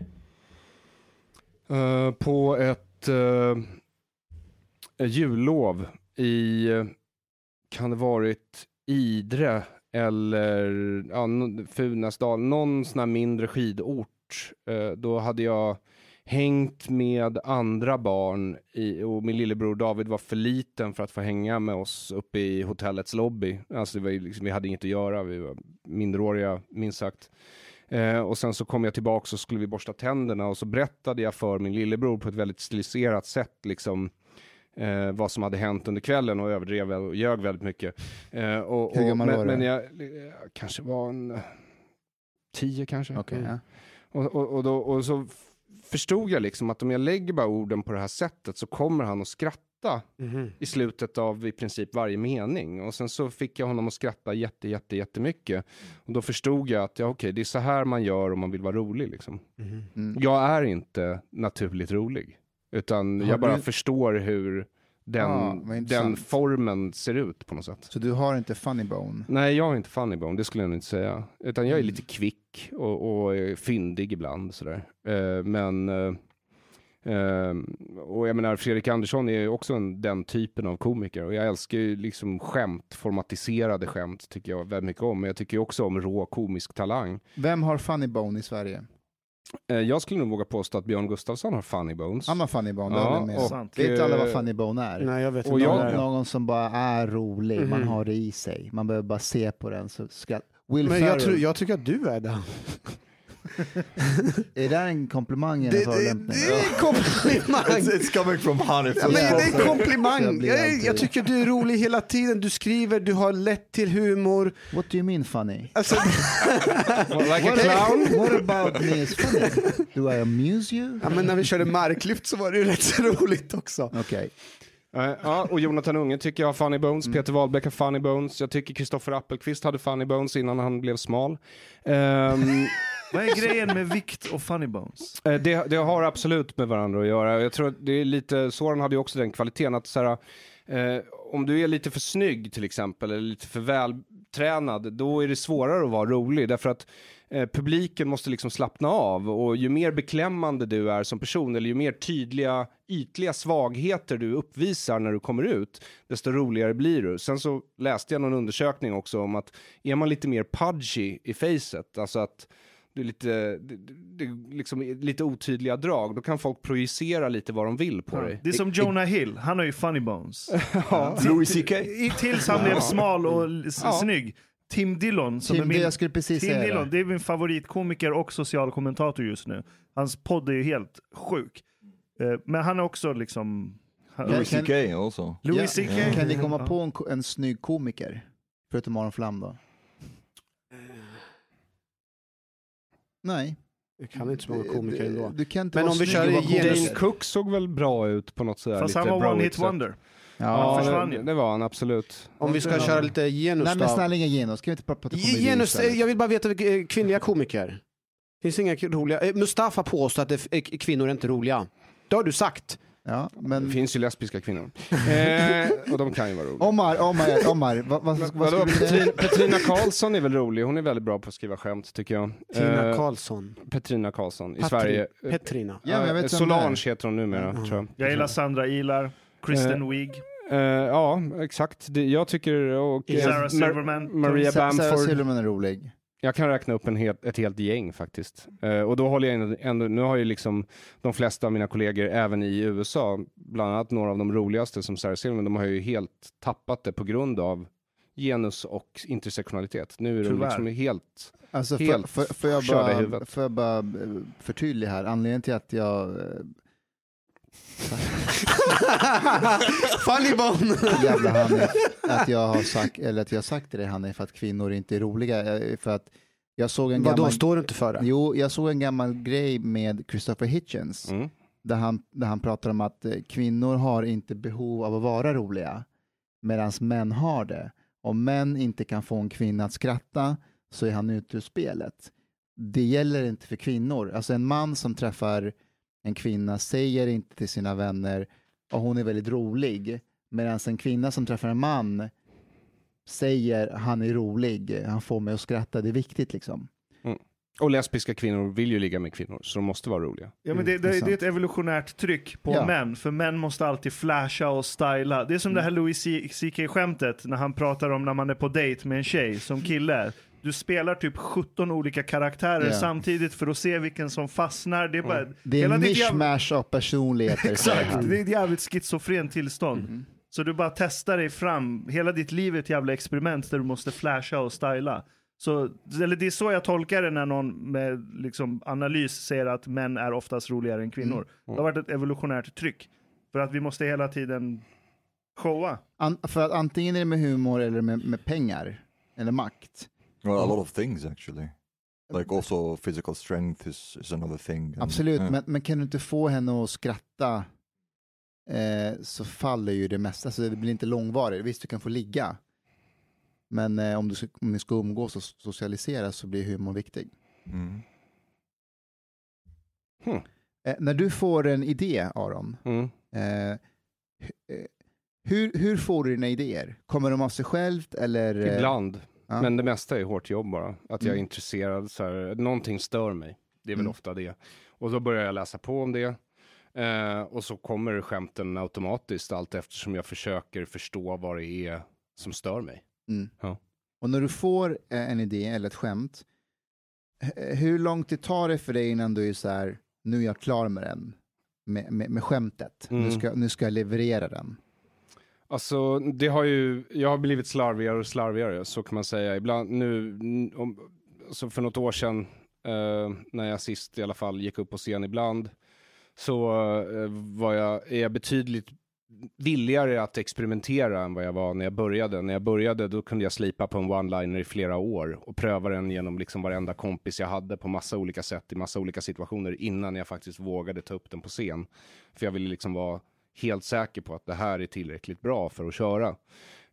Um, sen så blir man väl latare, lite mer bekväm i, i sin yrkesutövning. Eh, och också inser att eh, släpper man in lite kaos så kan det bli ännu ro- roligare, vilket händer på scen ibland.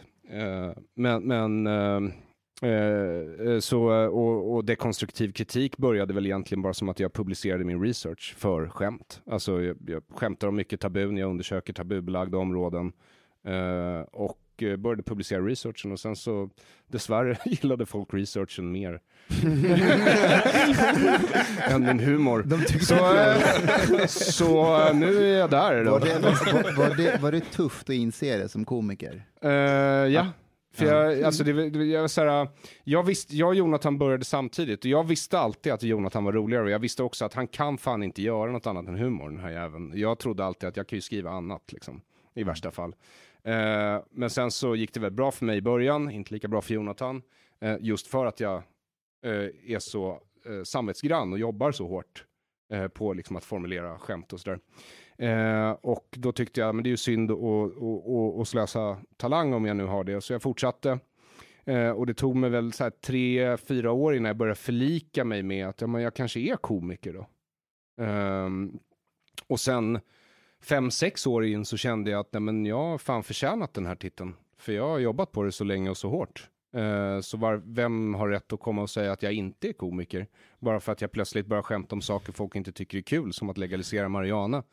Eh, och sen genus eller eh, barnporr. Eh, och, eh, eller för den delen Mohammed, eh, som jag också har skämtat om. Ehm, och ja, sen fortsatte jag bara och jag har ju alltid älskat humor. Det har alltid varit en stor, stor del av min underhållningskonsumtion. Om jag skulle säga att Aron Flam är Sveriges eh, George Carlin, skulle ni hålla med? Jag vet inte ens vem det är. Jag skulle säga, jag, jag Om upptäckte... du med det menar att jag är död, stendöd, så... Nej, inte det då. Men, Jag, jag upptäckte dig för skitlänge sedan som komiker när jag var inne i en period. Vi har alltid lyssn- kollat på stand-up comedy sedan jag var 12-13. Eh, Liksom George Carlin, Lenny Bruce, hela, hela den svängen. Men jag var inne i en period där jag bara kollade på one-liner komiker. Och det var Steven Wright och Mitch Hedberg. De kör ju bara one-liners. Och du var den enda i Sverige som bara körde en hel rutin på one-liners. Jag tror det var den på Raw Comedy, när Mm. du öppnar, det är väl det första så här stora filmade framträdandet? Det var va? mitt åttonde uppträdande. åttonde uppträdande Ja. och du öppnar med skämtet där du jämför att, eh, ja men det här Aftonbladet karikatyrer på profeten Muhammed, vad var, vad var det du sa? Eh, nej men eh, det var ju eh, en grej med när uh, Mohammed-karikatyrerna kom ut så eh, var det en eh, muslimsk debattör i Sverige som sa på Sveriges Television att vad vi i Sverige måste förstå det är att eh, rita av profeten Muhammed det är som att eh, visa bilder på barnporr. Some people are still like saying the same argument. Ja, ja, och eh, då var mitt skämt att, eh, ja men vad skönt, då kan jag börja runka till bilder av profeten Muhammed istället. Nej, men anledningen till att jag, att jag jämför det med, med George Carlin, är, George Carlin är att när jag ser honom så, eh, så får jag en massa eh, tankeställare. Mm. Sen får han mig också att skratta på köpet. Mm. Och lite så är det när jag, när jag lyssnar på dig, på din stand-up och främst eh, dekonstruktiv kritik. Tack så mycket. Eh, det var väl exakt vad jag ville. Alltså jag har ju alltid älskat de här absurdistiska one-liner-komikerna. Och också eh, överhuvudtaget folk som bara gör skämt, chockhumor, Dave Attell eller eh, Jimmy Carr. Alltså korta one-liners. Men jag har alltid velat trycka in mening, alltså Dog Stanhope eller eh, ehm, Bill Hicks i one-liners. Och det är, är, är verkligen ett idiot en idiotisk idé jag, och jag var besatt av den i åratal. Det går i princip inte därför att en one-liner det är liksom skämtets minsta beståndsdel och skämt bygger på tvetydighet. Så det är väldigt svårt att få ut mening. Ofta är det ju så att du säger en mening och sen i bisatsen så säger du motsatt mening och det är därigenom skratt uppstår. Ehm, så jag försökte det i massa, massa år. Sen gick jag över till att göra längre rutiner för det är lättare att fylla ut tiden mer. Vad, vad får dig att skratta? Eh, väldigt eh, mörk humor får mig att skratta. Eh, så antingen chockhumor, eh, alltså jag tycker, eh, ja, eller eh, långa rutiner där någon går igenom ett tabu på ett väldigt grundligt sätt med nya infallsvinklar. Alltså Men- som är lite roliga sådär. Som Men skrattar du så att du får ont i magen och vrider dig? Eller hur, eller? Det var många år, eller det, det är inte sant. Jag skrattade faktiskt så senast bara för sen, den här veckan nu när de här Wall Street Bets-killarna gav sig på Wall? Street. Ja, ja, då, då skrattade jag otroligt mycket och jag, Oh, jag kom på när jag gjorde det att jag har inte skrattat så här på flera år. Mm. Eh, men, men, eh, men eh, det har ju blivit mindre och mindre skratt ju längre man jobbar med humor, desto svårare blir det att skratta liksom och få sig själv att skratta. Men Fan jag skulle, tråkigt. Ja, men jag skulle inte gå upp på scen om jag inte själv, i, i alla fall när jag kom på skämtet, tyckte att det var roligt. Det sägs ju att Larry David när de spelade in Seinfeld var på det viset att han kunde identifiera humor. Mm. Och när alla andra i samband bara avskrattade för någonting kom upp naturligt, han var så här, det där var roligt, that was funny, let's go with that. Mm. Han var helt inne i det, man skrattar inte själv. Steve Martin sägs vara precis på samma sätt, eh, otroligt seriös men väldigt rolig i sin akt. Ja, tyvärr är det väl lite så. Jag, jag, är, ju- jag, jag var, var ju inte klassens clown. Däremot så kunde jag titta på klassens clown och så kunde jag tänka så här, ja men om man bara formulerar det här på ett lite annorlunda sätt, då kan jag ta det här från den här situationen, där det egentligen bara är i den här situationen det ska vara roligt.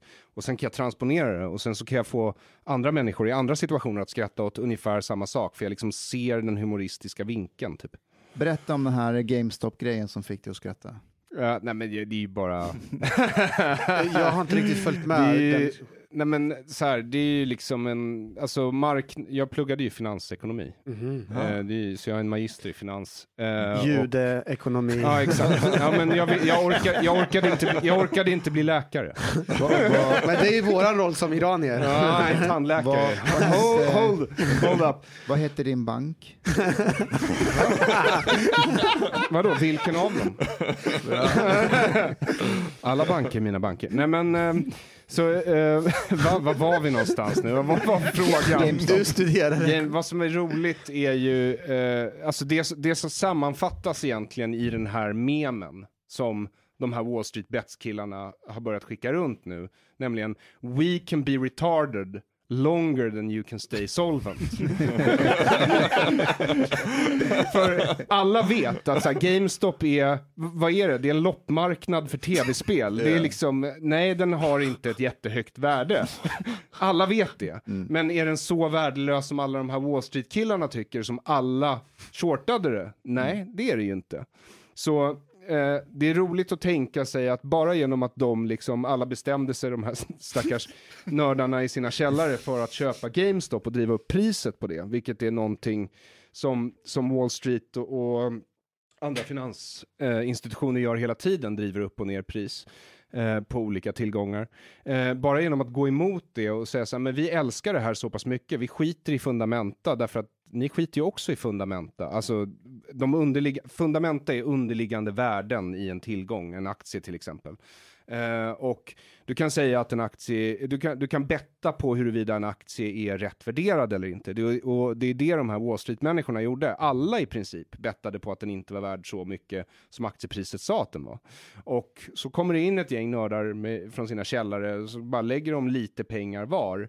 Och så driver de upp priset och vad som händer då är att alla de här aktiemäklarna som sitter och bettar emot den här aktien, eh, de blir plötsligt superfattiga.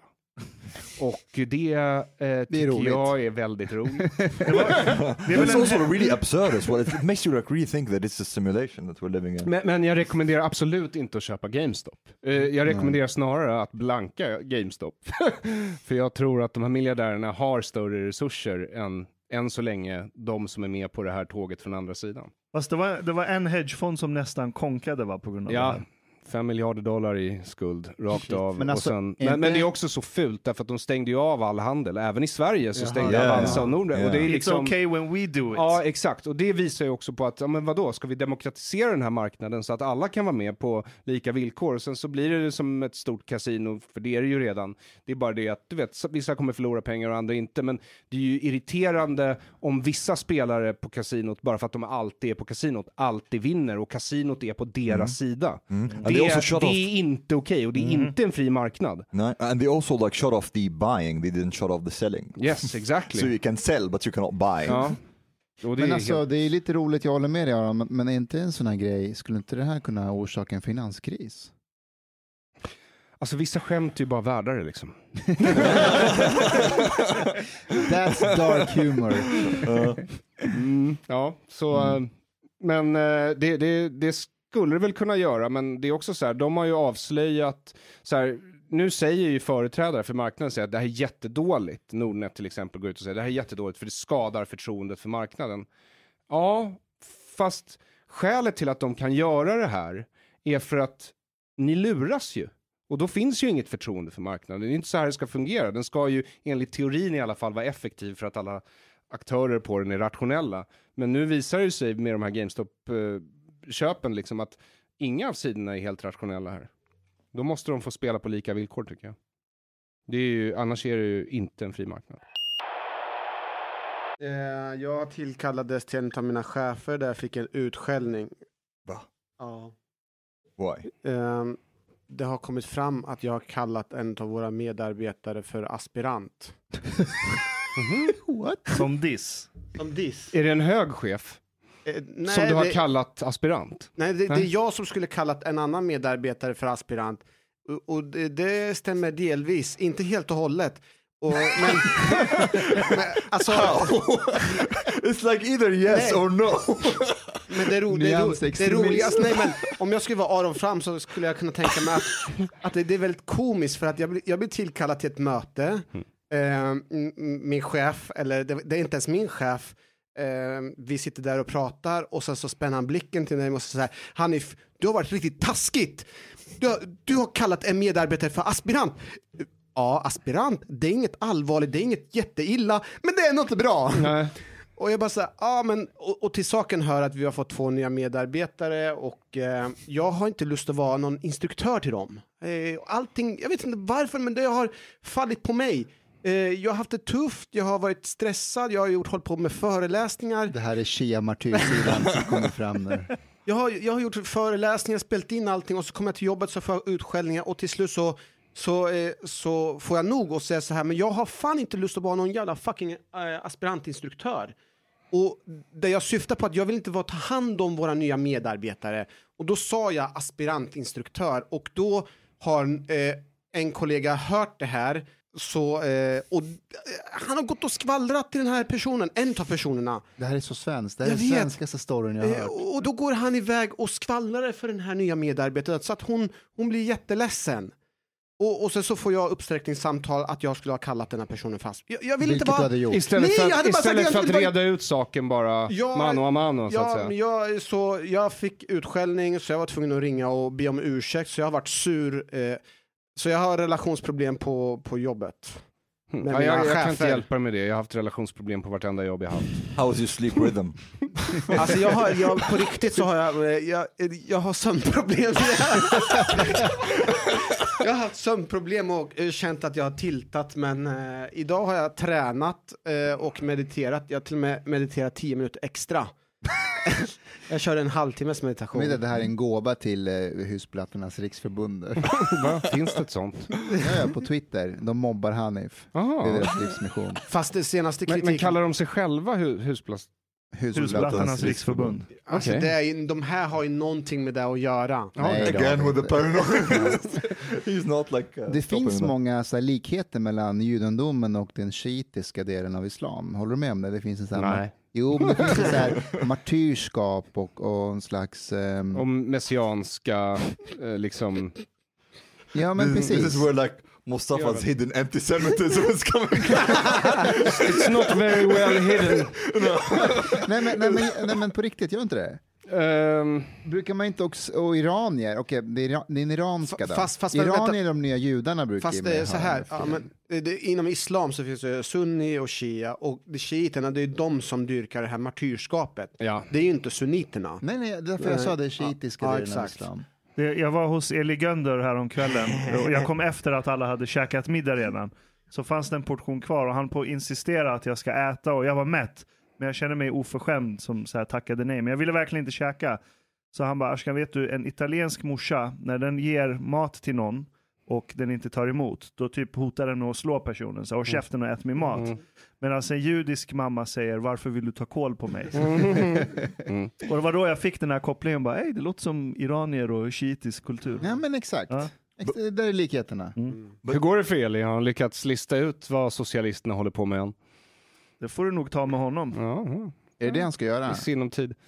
Um, Nej, jag vet inte. Jag läste en artikel av honom i Respons. Den var nog från januari 2020 kanske. Om antisemitismen? Ja, Vad tyckte absolut. du om Och den? ser, ja, den är bra. Han har ju lyft en hel del från min bok, så jag tyckte om den. Så Eli har... E- Sen så Eli tycker har jag att han kan säga det tydligare, bara rakt Eli ut. har liksom. kopierat- Kan inte du bjuda in honom till din podd och reda ut det här? Eh, jo, jag blir väl så illa tvungen nu. Det, Mm. det är dags, I guess. För om inte jag är helt ute och cyklar så är det absolut din största, det du vill göra det är ju träffa någon som är meningsmotståndare. Men det kanske inte du och Eli är egentligen. Det är svårt att säga. Ehm, Vad skulle ni liksom... Prata om. Vi Differera. kan inte prata om judendom för båda två är judar. Ingen kan ju hålla på och Det leka där martyr med lite det. Ja, vi, kan prata om hans teori, vi kan prata om hans teori att skälet till att uh, sunniter är så prone to terror at the moment har att göra med att de är ovana att vara minor- minoriteter i västländer.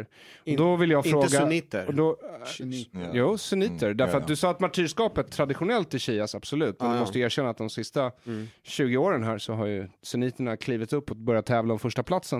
Men de har ju Mm. lärt sig, sunniterna har väl lärt sig av terrorgrejer från shiiterna. Jo, men, men, men Eli Gönders vänta. teori i alla fall tycker jag är lite ologisk. Därför att hade det varit så att, minorite- att, att sunniter bara var ovana att vara en minoritet, ja, då hade det här kunnat drabba andra minoriteter. Då hade ju vi sett vartenda Chinatown explodera, även när det inte var kinesiskt nyår. Eh, och så ser det inte ut i Chinatowns över hela världen, eller andra minoriteter, utan det här har ju någonting med deras texter att göra och hur de tolkar dem. Det är nummer ett. Och nummer två, de flesta av de här terrordåden sker inte i länder där sunniter är i minoritet, utan de är i majoritet. Och då är det också någonting annat som felar. Fast- så det är väl där, jag om, om det finns någonting mellan mig och Eli så är det väl Rä- där. Rätta mig om jag. Och också jag tycker att man kan ta bladet från munnen och så kan man säga men Socialdemokraterna i Sverige som är en socialistisk rörelse, de skickar miljarder till islamistiska organisationer.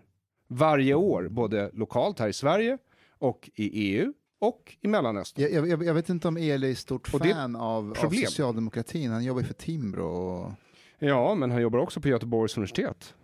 Okej. Eller? Det är Det väl där han. genusvetarna sitter, det är deras kula.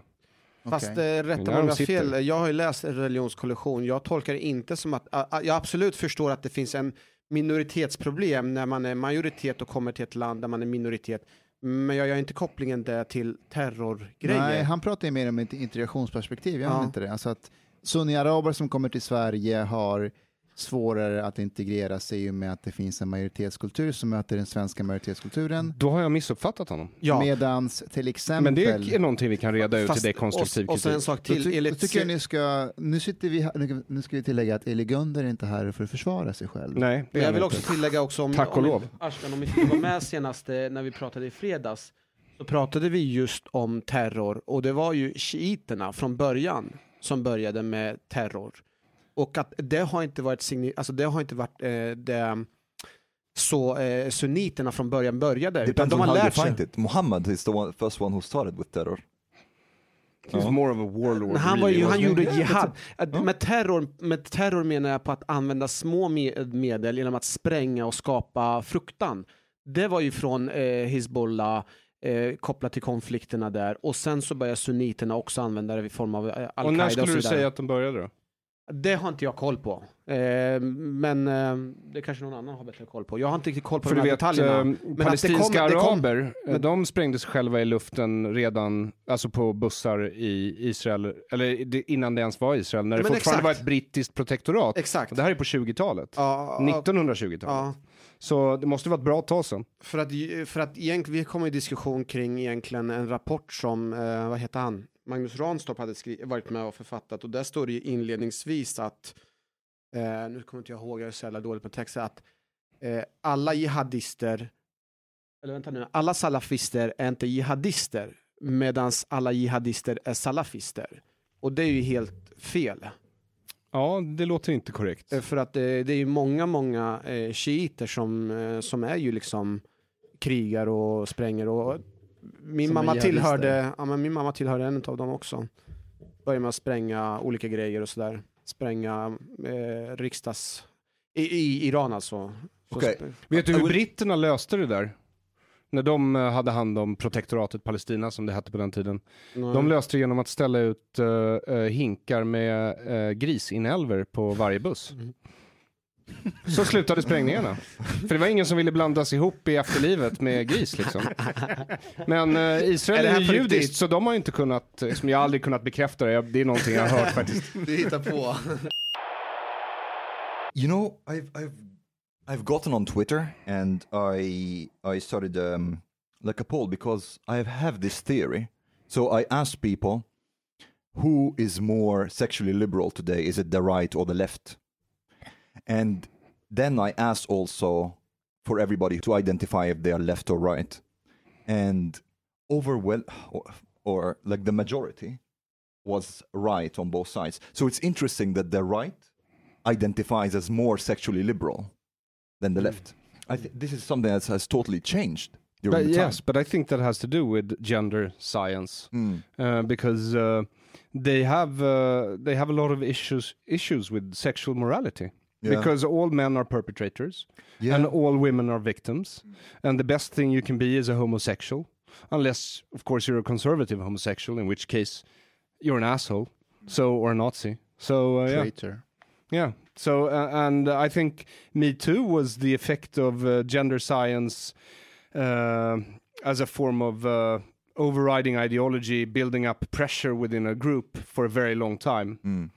Well, my, my theory is I would say that right now, the right is more liberal when it comes to heterosexual relationships, and the left is more liberal when it comes to other forms of relationships. I'm not so sure. Mm. I think the right are pretty liberal when it comes to uh, other forms of relationships.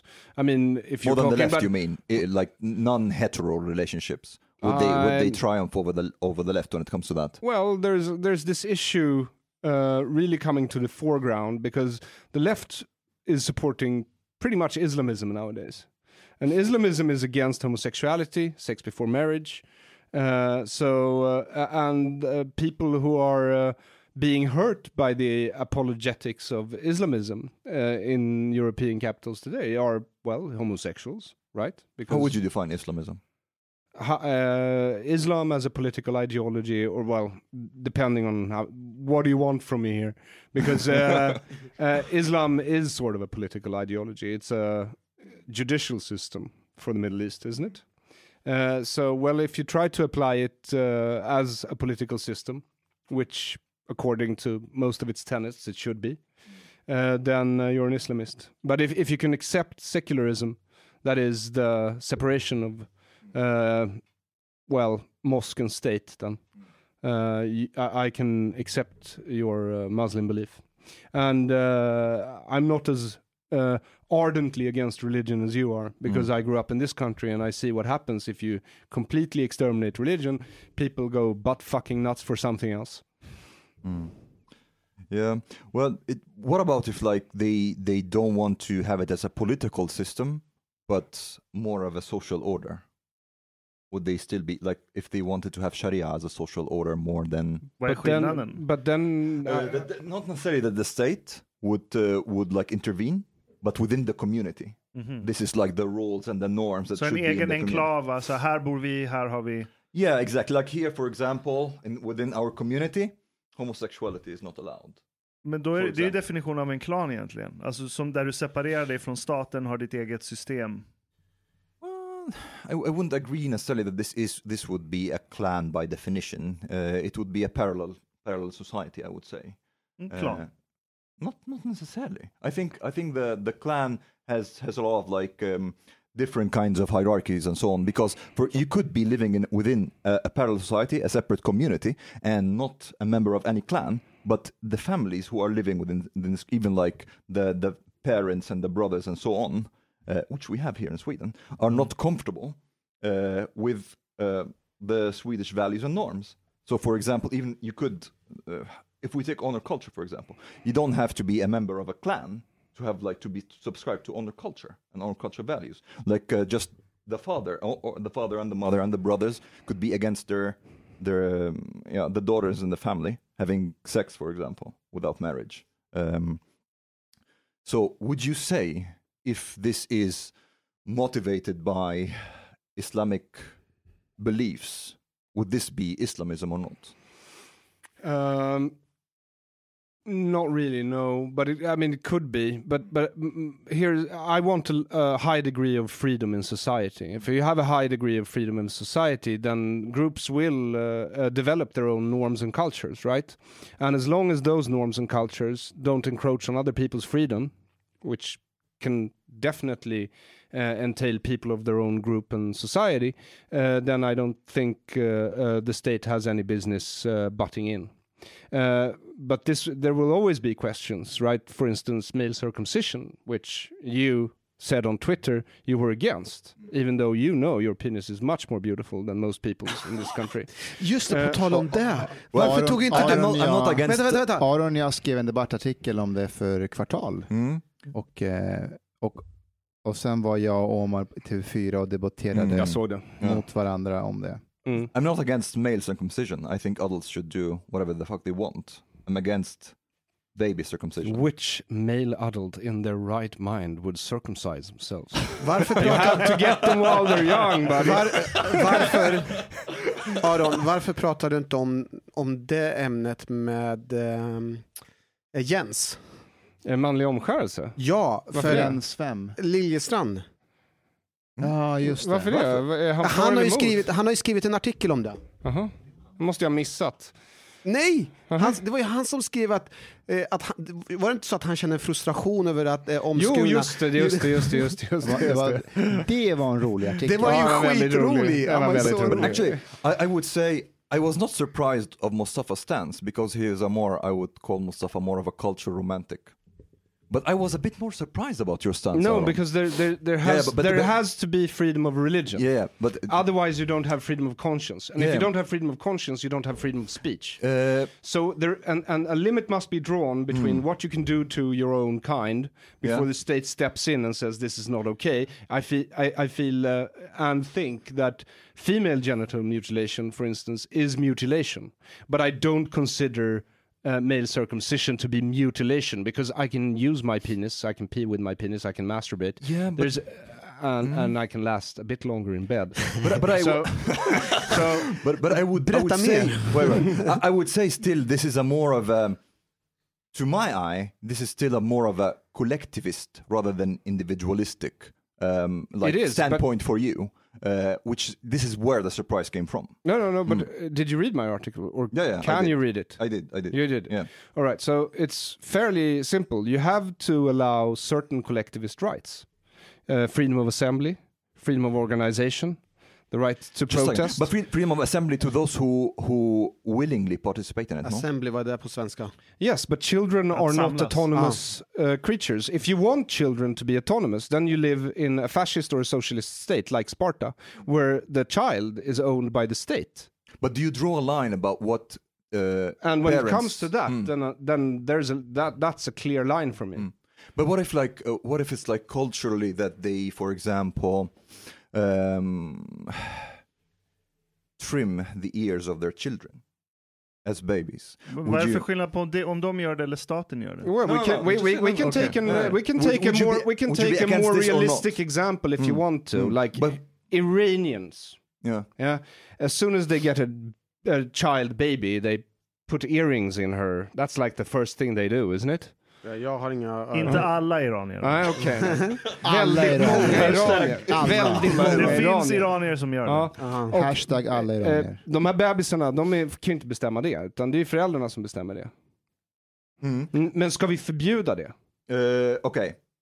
Var går gränsen? Mm. För Yeah, föräldrar måste Mm. få uppfostra sina barn, för det är deras barn som Yeah, jag ser det. Uh, yeah, but uh, uppfostra is one thing, but I would say for me, I draw the line uh, about what is basically irreversible, physically irreversible. So even like, and also the deg- the degree to which is uh, invasive. I, I would say ear piercing is not the same as cutting like cutting up in the genitals.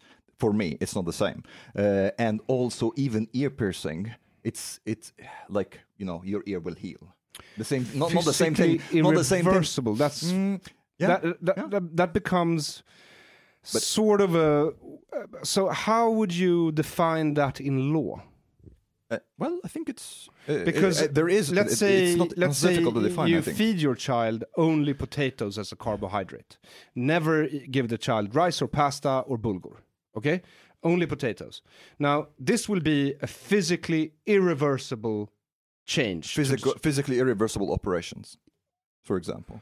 But but that's that. But Okay. this- I, I, I want to what what I want to to say. Like in principle, would you be, if we let's say, hypothetically, there is a culture, uh, or a group of people that thinks, well, yeah, that they have this tradition that they are trimming the ears of their of their babies. Would you be against it in principle or not? Um, I would probably be against it because I think it would change the functioning of the ear, which is to protect the ear canal from dirt. right? Well, if they do it without hindering that function. Um, possibly not. Possibly not. Possibly not. Okay. Uh, what about if they? Fast alltså, ska du trimma av örat så skär du av brosk. Det, det, det är ett helt annat ingrepp. Ja, det, det, det, jag skulle säga att det är ett större ingrepp. Cartilage. Mm. Yeah. It's it's a big I mean- it's it's a bigger thing than than the the foreskin of your penis, isn't it? Uh, uh, not Because necessarily, because uh, that's the question that Judaism poses, isn't it? It's it's, it's what uh, should you as a parent be ob- obliged to give to your God, and and and then in the negotiation, um, Abraham gets to just nip the tip of the penis, so one drop of blood and a bit of skin. More than that, God is not allowed to demand from you. That's the moral of the story in Judaism. The whole moral. story. but that, that, that's the moral of the story. And also, that is the basic contract between the Jews and God. God makes Jews the chosen people. Chosen for what exactly is unclear. It's not stipulated in the contract. And in exchange, all God wants are baby foreskins. Lots of baby foreskins. But okay, so Fan vad, vilken Undrar hur pervers du- gud. Okay, and I don't know why God wants the baby foreskins. I'm not God, all right? but it's in the contract and signed by Abraham. So That- That's it's on, pretty much, I mean, pacta sunt servanta. That's That's the a- that's contract. something Hur you många believe? tror du att du, eh, att du eh, hur, hur många tror du lockas till ju- judendomen av den förklaringen?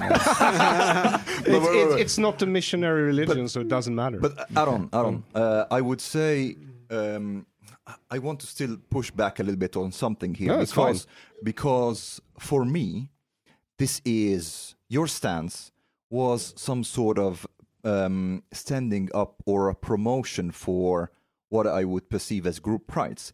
We, this is where, to me, that was so out of character, at least out of how I group perceive you. group rights against the state, Uh, which is something else. Group rights, I, I would say. and it's also individual rights because as group- a parent Mm. you should have the right to decide how you raise your kid Uh, that, that is something i'm quite adamant about because the alternative the alternative because kids can't take care of themselves so if you want to make the other argument then you have to actually presuppose that any child can take care of themselves from the start and that is basically not true so someone has to raise a child Raise, yes, but raise and cut into the uh, baby's genitals are not the same thing. no they're not the same but somewhere has you have to draw the line Yeah. somewhere Yeah, and, uh, we, and we drew the line. We drew the line a bit differently there. But but would Yes. you, you would say that this is kind of like a cultural group cultural right. This like um, promotion that you made. This, this, uh, according to my reasoning, this is where you draw the line. More than a piece of foreskin and a few drops of blood is unacceptable. Unacceptable. But why why was the line exactly there, not just before? This is also like an interesting thing. Because if you draw the line just before, Huh? then you start uh, to say that it's more okay for the state to raise your children than for yourselves to decide what to do with your child. And, and, and, and that's why every time a society has tried to ban circumcision of male children, uh, they become totalitarian extremely fast. Or they already are totalitarian. But why True not story. pass that line? But why not pass that line in that case? I mean, the because would then intervene. you're in the Soviet Union No, no. I mean, like, why why or not? Hitler Germany. No, no. Why not that? Uh, why not pass the line of circumcision? I mean, like, why not allow a bit more uh, of uh, of a room for parents to do what they want with their children? Why? Why just B- because because then you actually harm the child. You have grown up without a foreskin, and that is not your biggest problem with Islam. No, no, it's No, not. no, no, it's not. It's not. But Because that's not the irreversible harm that was done to you. Now, I have larger problems with some tenets of Judaism that I have been raised in, or for that matter, social democracy, than I have with a lack, the lack of my, uh, my foreskin. Because that seriously hasn't affected me that much. Hanif, har du, har, har du gjort lumpen? Japp, Låg ni ute i skogen? japp. Luktade det förhud? Ingen flänsost. Nej. Inte för dig ja. Nej, Men jag dina- luktar inte well, på we do have soap. Va, va, var du tvungen att göra Övik? Utgår, utgår ifrån att han gör. Var, var, du, Gör du, du, Hanif? var, var du också ovik befriad i armén? Eh, vad innebär det? Eh, ollonvård i kåsa. Ollonvård eh, vill jag inte När du tar din minnas. kåsa, fyller den med lite ljummet vatten och så tvättar du under förhuden. Ja, det jag, var kanske, befri- kanske jag var befriad det. från Ovik. Nej men det kanske, jag, jag vill minnas att det var liksom eh, vård av eh, genitalier. Är inte det i- mer traumatiskt än själva omskärelsen? Exakt. Fast det var också eh, lite grann roligt också för att eh, det var ju liksom... Du här låter med- väldigt tänd när du Ja, säger ja, det. ja. I, för I like how he's like raising his eyebrows. Men så här, förstå, eh, vi var ju, eh, vi var ju liksom, det var bara killar och vi var ute i... Vad sa du? var bara, he's so excited. Like, men jag, vi var bara killar. Nej men så här, lyssna, lyssna. Vi var, vi var, ehm, alltså, vi, alltså, äh, alltså Hanif, har du stånd? nej! jag, Jag vet att Mustafa försöker ge igen. Det där är, så här, det är pungspark, det är onödigt. Men vi var, alltså, eh, har du gjort lumpen? Ja. Alltså när man ligger ute i lumpen, det, man är ett gäng killar som är där ute och eh, väldigt mycket av snacket handlar ju om tjejer. Eh, det, det är ju väldigt mycket. Och eh, när man, vi var, alltså, vi var, jag var ju på, vad heter det, eh, amfibieregementet, Amfett, Vaxholm och eh, fan vi var ute, det var tufft där ute. Men vi hade också några tuffa tjejer som var med. Men eh, det, fan, det var ju verkligen lika för alla. Eh, så vare sig det gäller ollonvård eller alla typer av eh, liksom, grejer så var det ingen skillnad mellan killar och tjejer. Eh, och som kille där ute och inte har sett någon kvinna på skitlänge och så, så skulle vi typ ta av oss och göra olika typer av test, alltså C-vätsketest man skulle göra, man skulle ha skyddsmask och man skulle ta av sig alla sina kläder så kommer jag ihåg att vi hade en jättesöt tjej som också som, som, som började klä av sig och ta av sig naken och så här och Vadå, framför er? Jo men hon ingick i, i plutonen. Han är bara en soldat. Hon, hon var soldat och i, på tal om vård och sådär så var det väldigt You're provoking Mustafa's Afghan side. Ja, men det var, det var Did she take her clothes in front of you man? vi, vi, vi duschade tillsammans, vi sov tillsammans, vi var ute i Låg fält tillsammans. tillsammans. Hon låg med någon, tror jag, i slutet. Eh, men det var ju trevligt. Eh, men alltså, Vad var det som var, Var du trevligt? med? Vilket av, vilket av allt det här du sa var trevligt? Nej men alltså det var ju liksom så här för, jag vet inte vad det är i, att om man, om man bara träffar, om man är bara gäng killar där ute så är det ju trevligt om man har också tjejer med och om, om de är med också vid form av olika typer av vård och sådär. I'm, a bit missing how this story Jag has to do with circumcision but I like it. jag, jag förstår inte poängen. Ni är vapen på ben. It's good. Det är ingen skillnad på er och, Nej, men och AK5. Nej, men jag menar Allt ska ha vård. Alla skulle ha vård och hon skulle också ha vård och det var ju det trevliga med lumpen. Ja, Att men, ni fick vård? Ja, vi fick titta på varandra när man... Alltså... Jag var ju... Dude, jag kommer aldrig förstå dig. Jag kommer aldrig förstå dig. Var det inte, har du gjort lumpen? Jag har inte gjort lumpen, Nej men har jag du vet varit, att... har du varit, u- om du har varit ute i skogen, Yes. då fantiserar man om, eh, om tjejer, om inte det är så att du inte får mat. För när du får mat, Jag behövde när inte du vara inte ute får, i skogen för att göra när, det när, när jag du var inte får 18. mat så, så, så skippar man det här tjejsnacket och sen så börjar man prata om mat. Det gjorde vi på överlevnadsutbildningen. Dessförinnan, alltid så pratade jag om tjejer, men överlevnadsutbildningen, då eh, skippar vi tjejsnacket och då var, det, mm, då var det mat. Så när man är där ute, man har inte sett kvinnor på skit länge, det är jäkligt nice att vara med tjejer som eh, också behöver men göra den viktiga frågan, fick du tvätta ditt ollon? ja. För du är ju omskuren Nej men man fick ju ta, ta, ta tag i det själv. Ja men, men min poäng är att visst slipper man det när man är omskuren. Det, det är upp till en själv att tvätta sig själv. Jag vet, men om man är omskuren så blir det ju inte lika mycket um, av the smell så att säga. Nej det är sant, det är sant. Eller hur? Det är sant. Vilket är, vilket är en fördel att faktiskt vara i lumpen, för man slipper... eh, För Jag visste, inte ens, jag visste inte ens vad flänsos och det där Nej, var inte innan. jag Jag aldrig, Samma jag har här. aldrig Samma här. Så det. Jag visste inte det förrän nu. Jag, jag, jag, jag, har aldrig, jag Du- förstått vänta, det. ska man, alla här är omskurna? Det är som ett vitt klägg. Alla här, det är det som är vår men, gemenskap. ja, men mina föräldrar ville ju inte göra det. Sen fick jag jättemycket urinvägsinfektion när jag var typ fyra. Mm. Så jag, då, då var det läkarna som föreslog att det här är typ det enda vi kan testa för att se om det hjälper. Vilket det gjorde. Det löste hela problemet. Så jag kommer ju ihåg det till och med. Och det var inte Oh, trauma- Nej, det var inte oh shit. Det var inte ens traumatiskt. Alltså att höra dig prata om ollonvård var mycket mer traumatiskt än att bli omskuren som fyraåring. Men du Aron, ehm, du är också omskuren. Mm.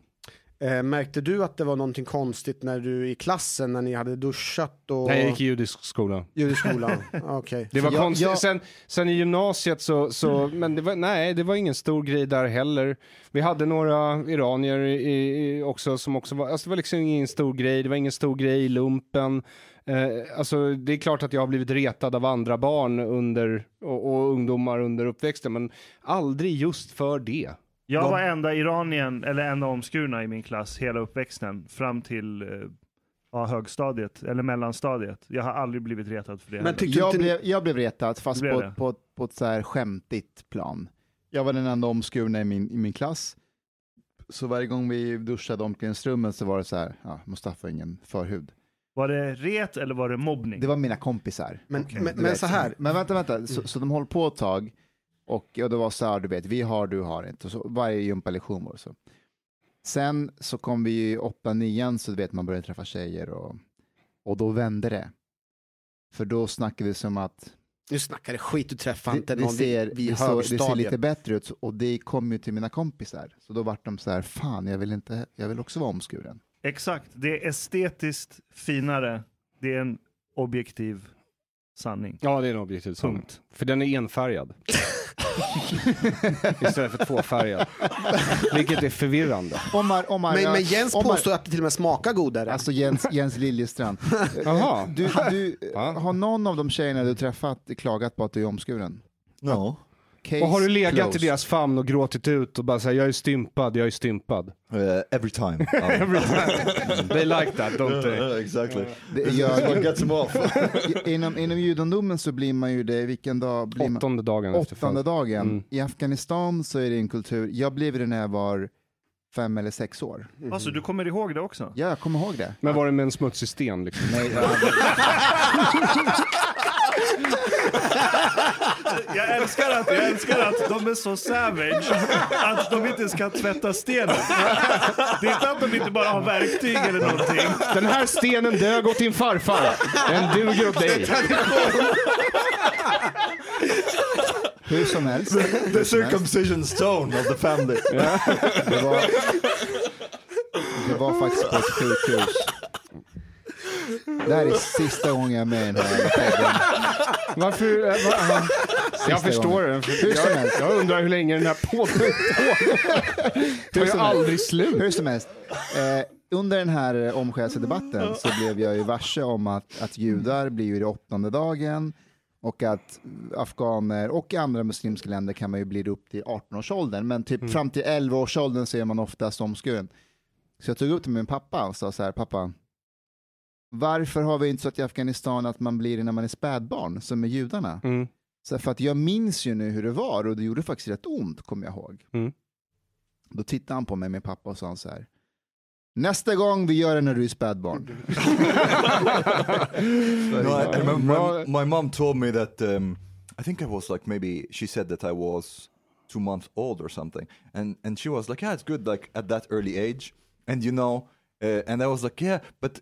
T- t- Do like babies usually get like uh, anesthesia or something, or and she was like, no, no, no, none of that. You know, babies don't feel pain. I was like, what? I've been at, at, at quite a few circumcisions och jag, jag kan säga att uh, bebisar känner ju uppenbarligen smärta. Men uh, du det åttonde dag, nej men eh, att de börjar gråta varenda gång. Eh, men judiska barn får nu mer än någon sorts kylsalva eh, eh, på förhuden. Eh, som ska, och sen, då får de ett litet babystånd och så börjar de ofta kissa också åt alla håll och kanter för att det är så kallt liksom.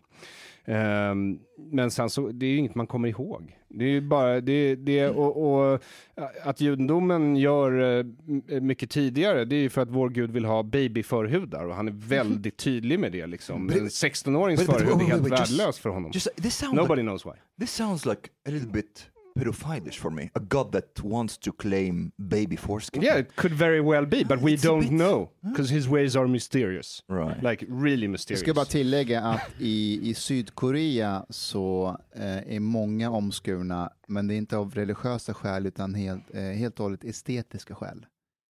Eh, och man misstänker nu att eh, They also wear makeup, so it's a bit confusing. I, eh, eh? Thailand och Filippinerna har samma mönster vad det gäller prostitution. Men i Thailand har de 20, det är 20 gånger vanligare med aids jämfört med Filippinerna.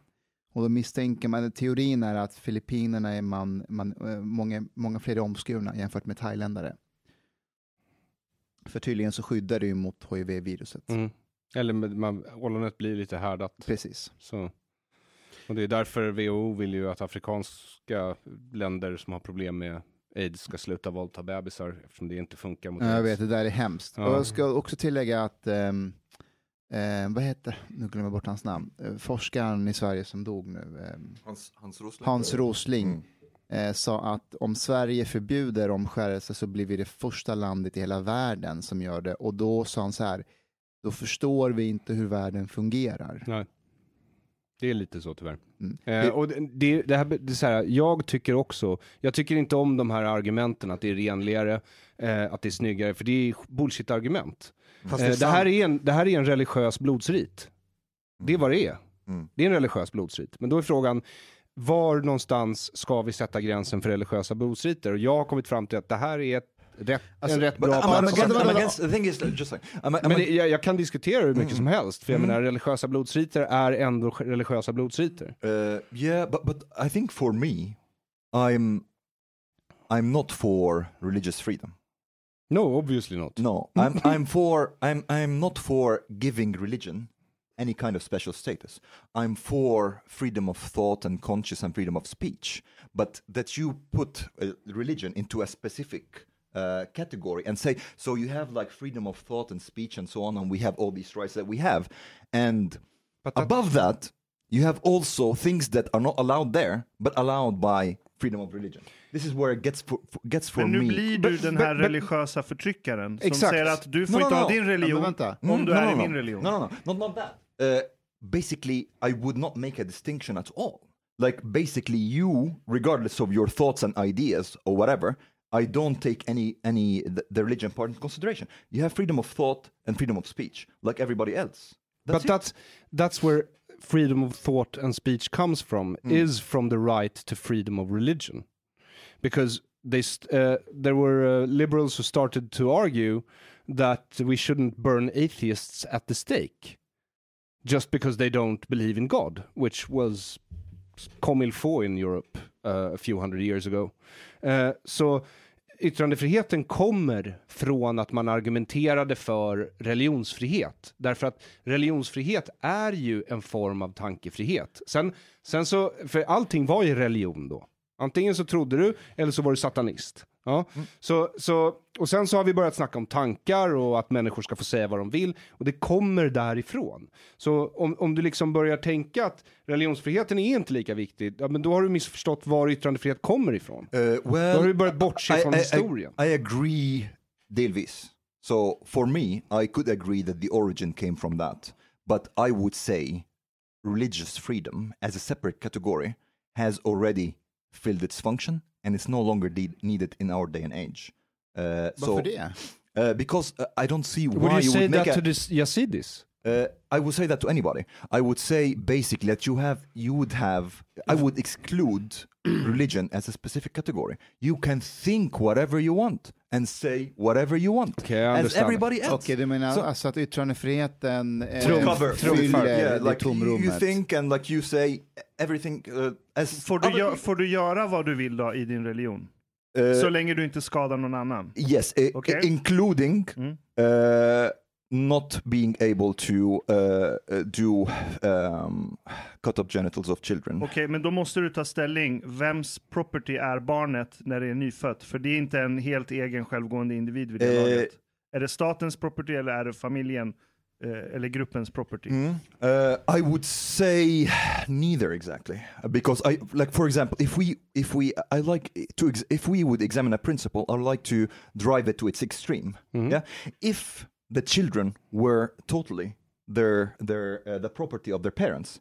Then there is no line to what they should be able to do or not do with them. They can slaughter them up if they want. Yes. What the fuck? Yeah, That's But- a problem. Yeah.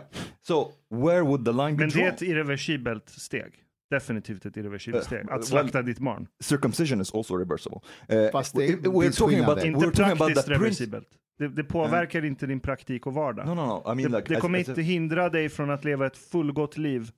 Uh, but this is so you want to say that uh, basically as long as the function is not hindered anything goes but then we can go go again to like what about like in the face Men what if like inte, if you're anything, doing inte anything goes. Grej, Why? alltså, why ett, why kan vi utgå ifrån att de, kan vi utgå, kan vi utgå ifrån att de flesta föräldrar vill inte sitt barn illa? yeah but let's say some like people decided to actually sam harris made this argument one time uh, about uh, like uh, if if there there was a group of people out of religious reasons they decided to like uh, um, I think it was taking out one eye of their children Men det or är something irreversibelt, du påverkar dens vardag och praktiska I funktion. agree, I agree. Okej. But but but you can think of a lot of stuff that would not affect the functionality, that we would frown upon. Som till socially. exempel. again the, the the ears the ears. Like you can do it like you know in a way that is like not really uh, that is not really hindering any kind of function yeah? But that if, if it okay let's let's You let's- just make a jack in the air, like, like that. Yeah, sure. but uh, would that be would that be acceptable or let, let's like see it other way around. If there has not been this tradition for thousands of years with the circumcision of children and right now a group of people decided you know what we actually have this thing we think our god is telling us to nip uh, the the penises of our children do you think that would be acceptable in society would be like okay we have religious freedom now this group of people suddenly came and they want that Förmodligen inte, men No, då, spelar ju, då spelar ju It would be a tradition- very interesting discussion. I it think. would be a really interesting Men du, discussion du kan ju säga samma sak om alkohol. Uh, not exactly. No, like you could say that the same thing if you're like um, uh, basically getting your your uh, one year old drunk all the time. Uh, then this can be comparable. Uh, but I wouldn't say so. For me, I would remove Jews the do that, religious privilege and basically have everybody on on basically equal rights, and that's it. That's how I think about. This is why I'm against religious freedom. Du är Jag alltså kommunist, är det det? That every, that everybody has the same rights. that's communism. Vet du, jag tror att det där, det, det där låter som en... Uh, okay, det, det är väldigt upplysningsideal eh, tankegång som jag hör hos dig. Och jag tror att det är det som är den stora blinda fläcken inom upplysningen. Där man tror att mänskligheten har nött, nått något högre stadie, där vi är mer sofistikerade och mer visa idag än förut. Och så glömmer man bort att vi är samma gamla jävla biologiska hårdvara vi var för hundratusen år sedan. Så jag menar att allting människor gör idag, om vi inte hade uppfunnit det fram till idag än så hade vi gjort det förr eller senare anyway. I, I Du kommer point, aldrig but I, komma undan det. I- I see your point, but I disagree ardently because we, we, humanity, even though we are uh, a, like both biology and culture, yeah. And I would say we are in a state today compared to like a few hundred years ago or or even before that is we are in a much better state when it comes to how we value life when it comes to like equal rights for people and so on you cannot we cannot say that uh, we are exactly the same because we're not Nej, men jag menar att det beror på teknisk framgång. Som har gjort att vi kan ha... It's culture. This is why culture has a very big role to play because culture affects how you behave. So there is your biology and there's culture. Like for example, if we when we talked about like violence, for example, or rape and so on, we have men are biologically, evolutionarily super violent. Uh, so our culture is actually does not really make men more violent. This is like stupidity if people who say so. Our culture civilizes us. It Yes. civilizes men. This is why men go berserk, like for example during war and so on. This they tap into their evolutionary nature. Men jag Eh, menar att kausalitetsordningen är omvänd. Jag menar att det är Mm. geografi, miljö och teknisk kapacitet som förändrar kulturen. Så Mm. Okej. kulturen blir rätt rättfärdigade av det materiella tillstånd du råkar vara i. Så det är inte så att du kan uppfinna en kultur som låter skitbra. Och man vänta, den här kulturen ser skitbra ut på papper. Nu ska vi liksom applicera den på de här människorna så att de blir smartare och visare. Det var intersektionalism i mitt huvud. Japp. Där du tar och så här, designar en kultur och så ska du trycka in det på människor. Och så tar du inte tillstånd till det biologiska, till miljöfaktorer, till about. teknisk Jo, fast kapacitet. vänta, This one, that's not at all what I'm talking about. Well, Du- that's where where your argument leads. Exakt. Uh, I, I Du wouldn't say so. du Like having having equal rights to people, it's Jo. the exact opposite of intersectionality. Okej, men vänta, vänta, vänta, I'm vänta, saying- vänta här, I'm saying, vänta, I'm saying no group should have any kind of special right or consideration. Everybody should have the same right. Except Okay, for the it. group who believes in your religion. Exakt. What? Det är Exakt. det du säger. Ja. Nej, nej. Yes. What- Yes, Omar. No, no, Omar. but I'm saying, how come? I'm, I'm not saying Låt, anybody låt, would släpp have... in Mustafa. Ja, okej. Ja. Du låter som en sån här herrejösses liberal. Okej. jösses Så, liberal. Okej, så ni vet vem Thomas Engström är, den här författaren? Han, kom, ah, ni vet, eh, han var ju Eller konst... Sam Harris, for that matter. Okej, men, Yeah, okay, men I, will take that. eh, Thomas Engström var ju en sån här författare, eller är författare fortfarande. Han var så här väldigt konservativ förut och så blev han sån här, nu är han liberal. Men han kom på eh, begreppet herrejösses liberal. Då menar han så här att liberaler sitter hemma och kommer fram till så här frihetliga principer om hur världen ska se ut. Typ öppna gränser, eh, sluta med omskärelse och så här. Och så ska de implementera det ut i verkligheten. Så när de implementerar, implementerar det ut i verkligheten så märker de att shit, det, verkligheten fungerar inte med deras principer. Så till exempel om du förbjuder omskärelse, Det kommer ju sluta med att de går ner i källaren och kuttar av barnen med, med riktiga smutsiga små- stenar. Ja. Okej, och massa barn kommer dö jämfört med hur det ser ut nu när det är, inte är förbjudet. Så de här herrejösses liberalerna implementerar frihetliga principer ut i verkligheten, går ut i verkligheten, ser konsekvenserna av sina principer och säger herrejösses, så går de tillbaka hem och börjar jobba med sina principer igen. Och det är lite det du gör nu. I, I, Sen, th- Oh. th- there's one more thing because children are not auto- autonomous and they grow up let's say in sweden which is a remarkably easy country to grow up in right and then because they don't have to suffer any hardship whatsoever they become morons because they don't understand suffering which is part of life whilst if my parents circumcised me at day 8 I realize at day eight that you can't trust fucking anyone, not even your parents. Mm. That's a good That's point. dark shit och jag älskar det. Men hur länge håller vi på? För Vi- jag vi måste gå håller- förbi well, hos. no, no, but, but Men the thing is like inte- there's no, Vi har there's inte no restriction. när måste du dra? Nej men alltså jag, jag ska spela in en podd vid sex och jag vill gärna hinna förbi hos så att jag kan köpa torrfriterade saker. Jaha. säg när Vet du vad torrfriterat är? Kan vi hålla Jo, på, kan vi hålla på, kan vi hålla på 40 minuter Det- till? Det, det, what? Jag har, jag har inte, jag har, Alltså, när kom jag hit? jag har inte, st- jag har inte ställt, jag har inte ställt Jesus, frågor. alltså, det är supertrevligt Omar att vara håller på här, att ta tiden hela Jag tiden. älskar så här, Omar har ju... inte, inte kan vi hålla på bara fem minuter till. Kan, vi, ska vi hålla på i 40 minuter till? Om att alltså, ni håller på att ta er tid med era principer, jag har tröttnat för länge Okej. sedan. Han är berätta mer Okej, om skogen. yeah. Nej jag skiter i här det, jag vill, jag vill, jag vill Tell ställa... us something jag juicy. har, jag har, nej men jag vill, jag vill fråga eh, Aron. Okay, go for it. Eh, om, om, din, eh, om din barndom. Eh, Nej men, eh, we? yes, jag, jag gick på icke-judiskt dagis i Bergshamra. Eh, och där eh, vet jag inte om det var, eh, jag, jag vet inte hur mycket det påverkade mig där. Eh, och sen så flyttade jag till Israel ett år när jag var sex och, och gick första klass där. Eh, och det påverkade mig rätt mycket för jag pratade ju inte hebreiska och det gjorde de andra barnen så det var lite förvirrande. Eh, för jag förstod ju inte vad de sa när de retade mig och då tar det inte så hårt. Ehm, så, och sen uh, kom jag tillbaka och började judisk skola här och då är det ju högst normalt för alla är judar. Och Vilken sen, skola är det? men det är klart att det blir lite friktion då mellan mig och barnen eh, i Bergshamra där jag växte upp. Eh, som inte gick i judisk skola utan gick i skolan i Bergshamra. Eh, speciellt när Socialdemokraterna började bygga södra eh, Bergshamra. Där kom det. Ehm, som då skulle vara Sveriges mest välintegrerade område med cirka 152 nationaliteter på en väldigt liten yta. Då fick man springa en del om man var jude. Ehm, för att man var jude, kanske, bland annat. Jag var ju ett störigt barn också, så det kan ha funnits flera anledningar. Eh, och sen eh, när eh, man går i gymnasiet, alltså Sverige är ju ett kollektivistiskt land. Även om det inte tror sig vara det, så är det det. Och, och svenskhet är eh, verkligen en kollektiv identitet. Alltså det är en kulturell identitet som du kan ta till dig i varierande grad. Du identifierar inte som svensk. Ehm, nej, det gör jag väl. Men jag, jag har ju, alltså, när jag, eftersom jag växte upp, växte upp i judiska församlingen, så det var ju också, det var ju mitt uppror. Jag gjorde uppror mot min judiska uppväxt. Liksom. Eh, och var väl hardcore ateist och älskade Sam Harris, End of Faith, när jag var cirka 20–25.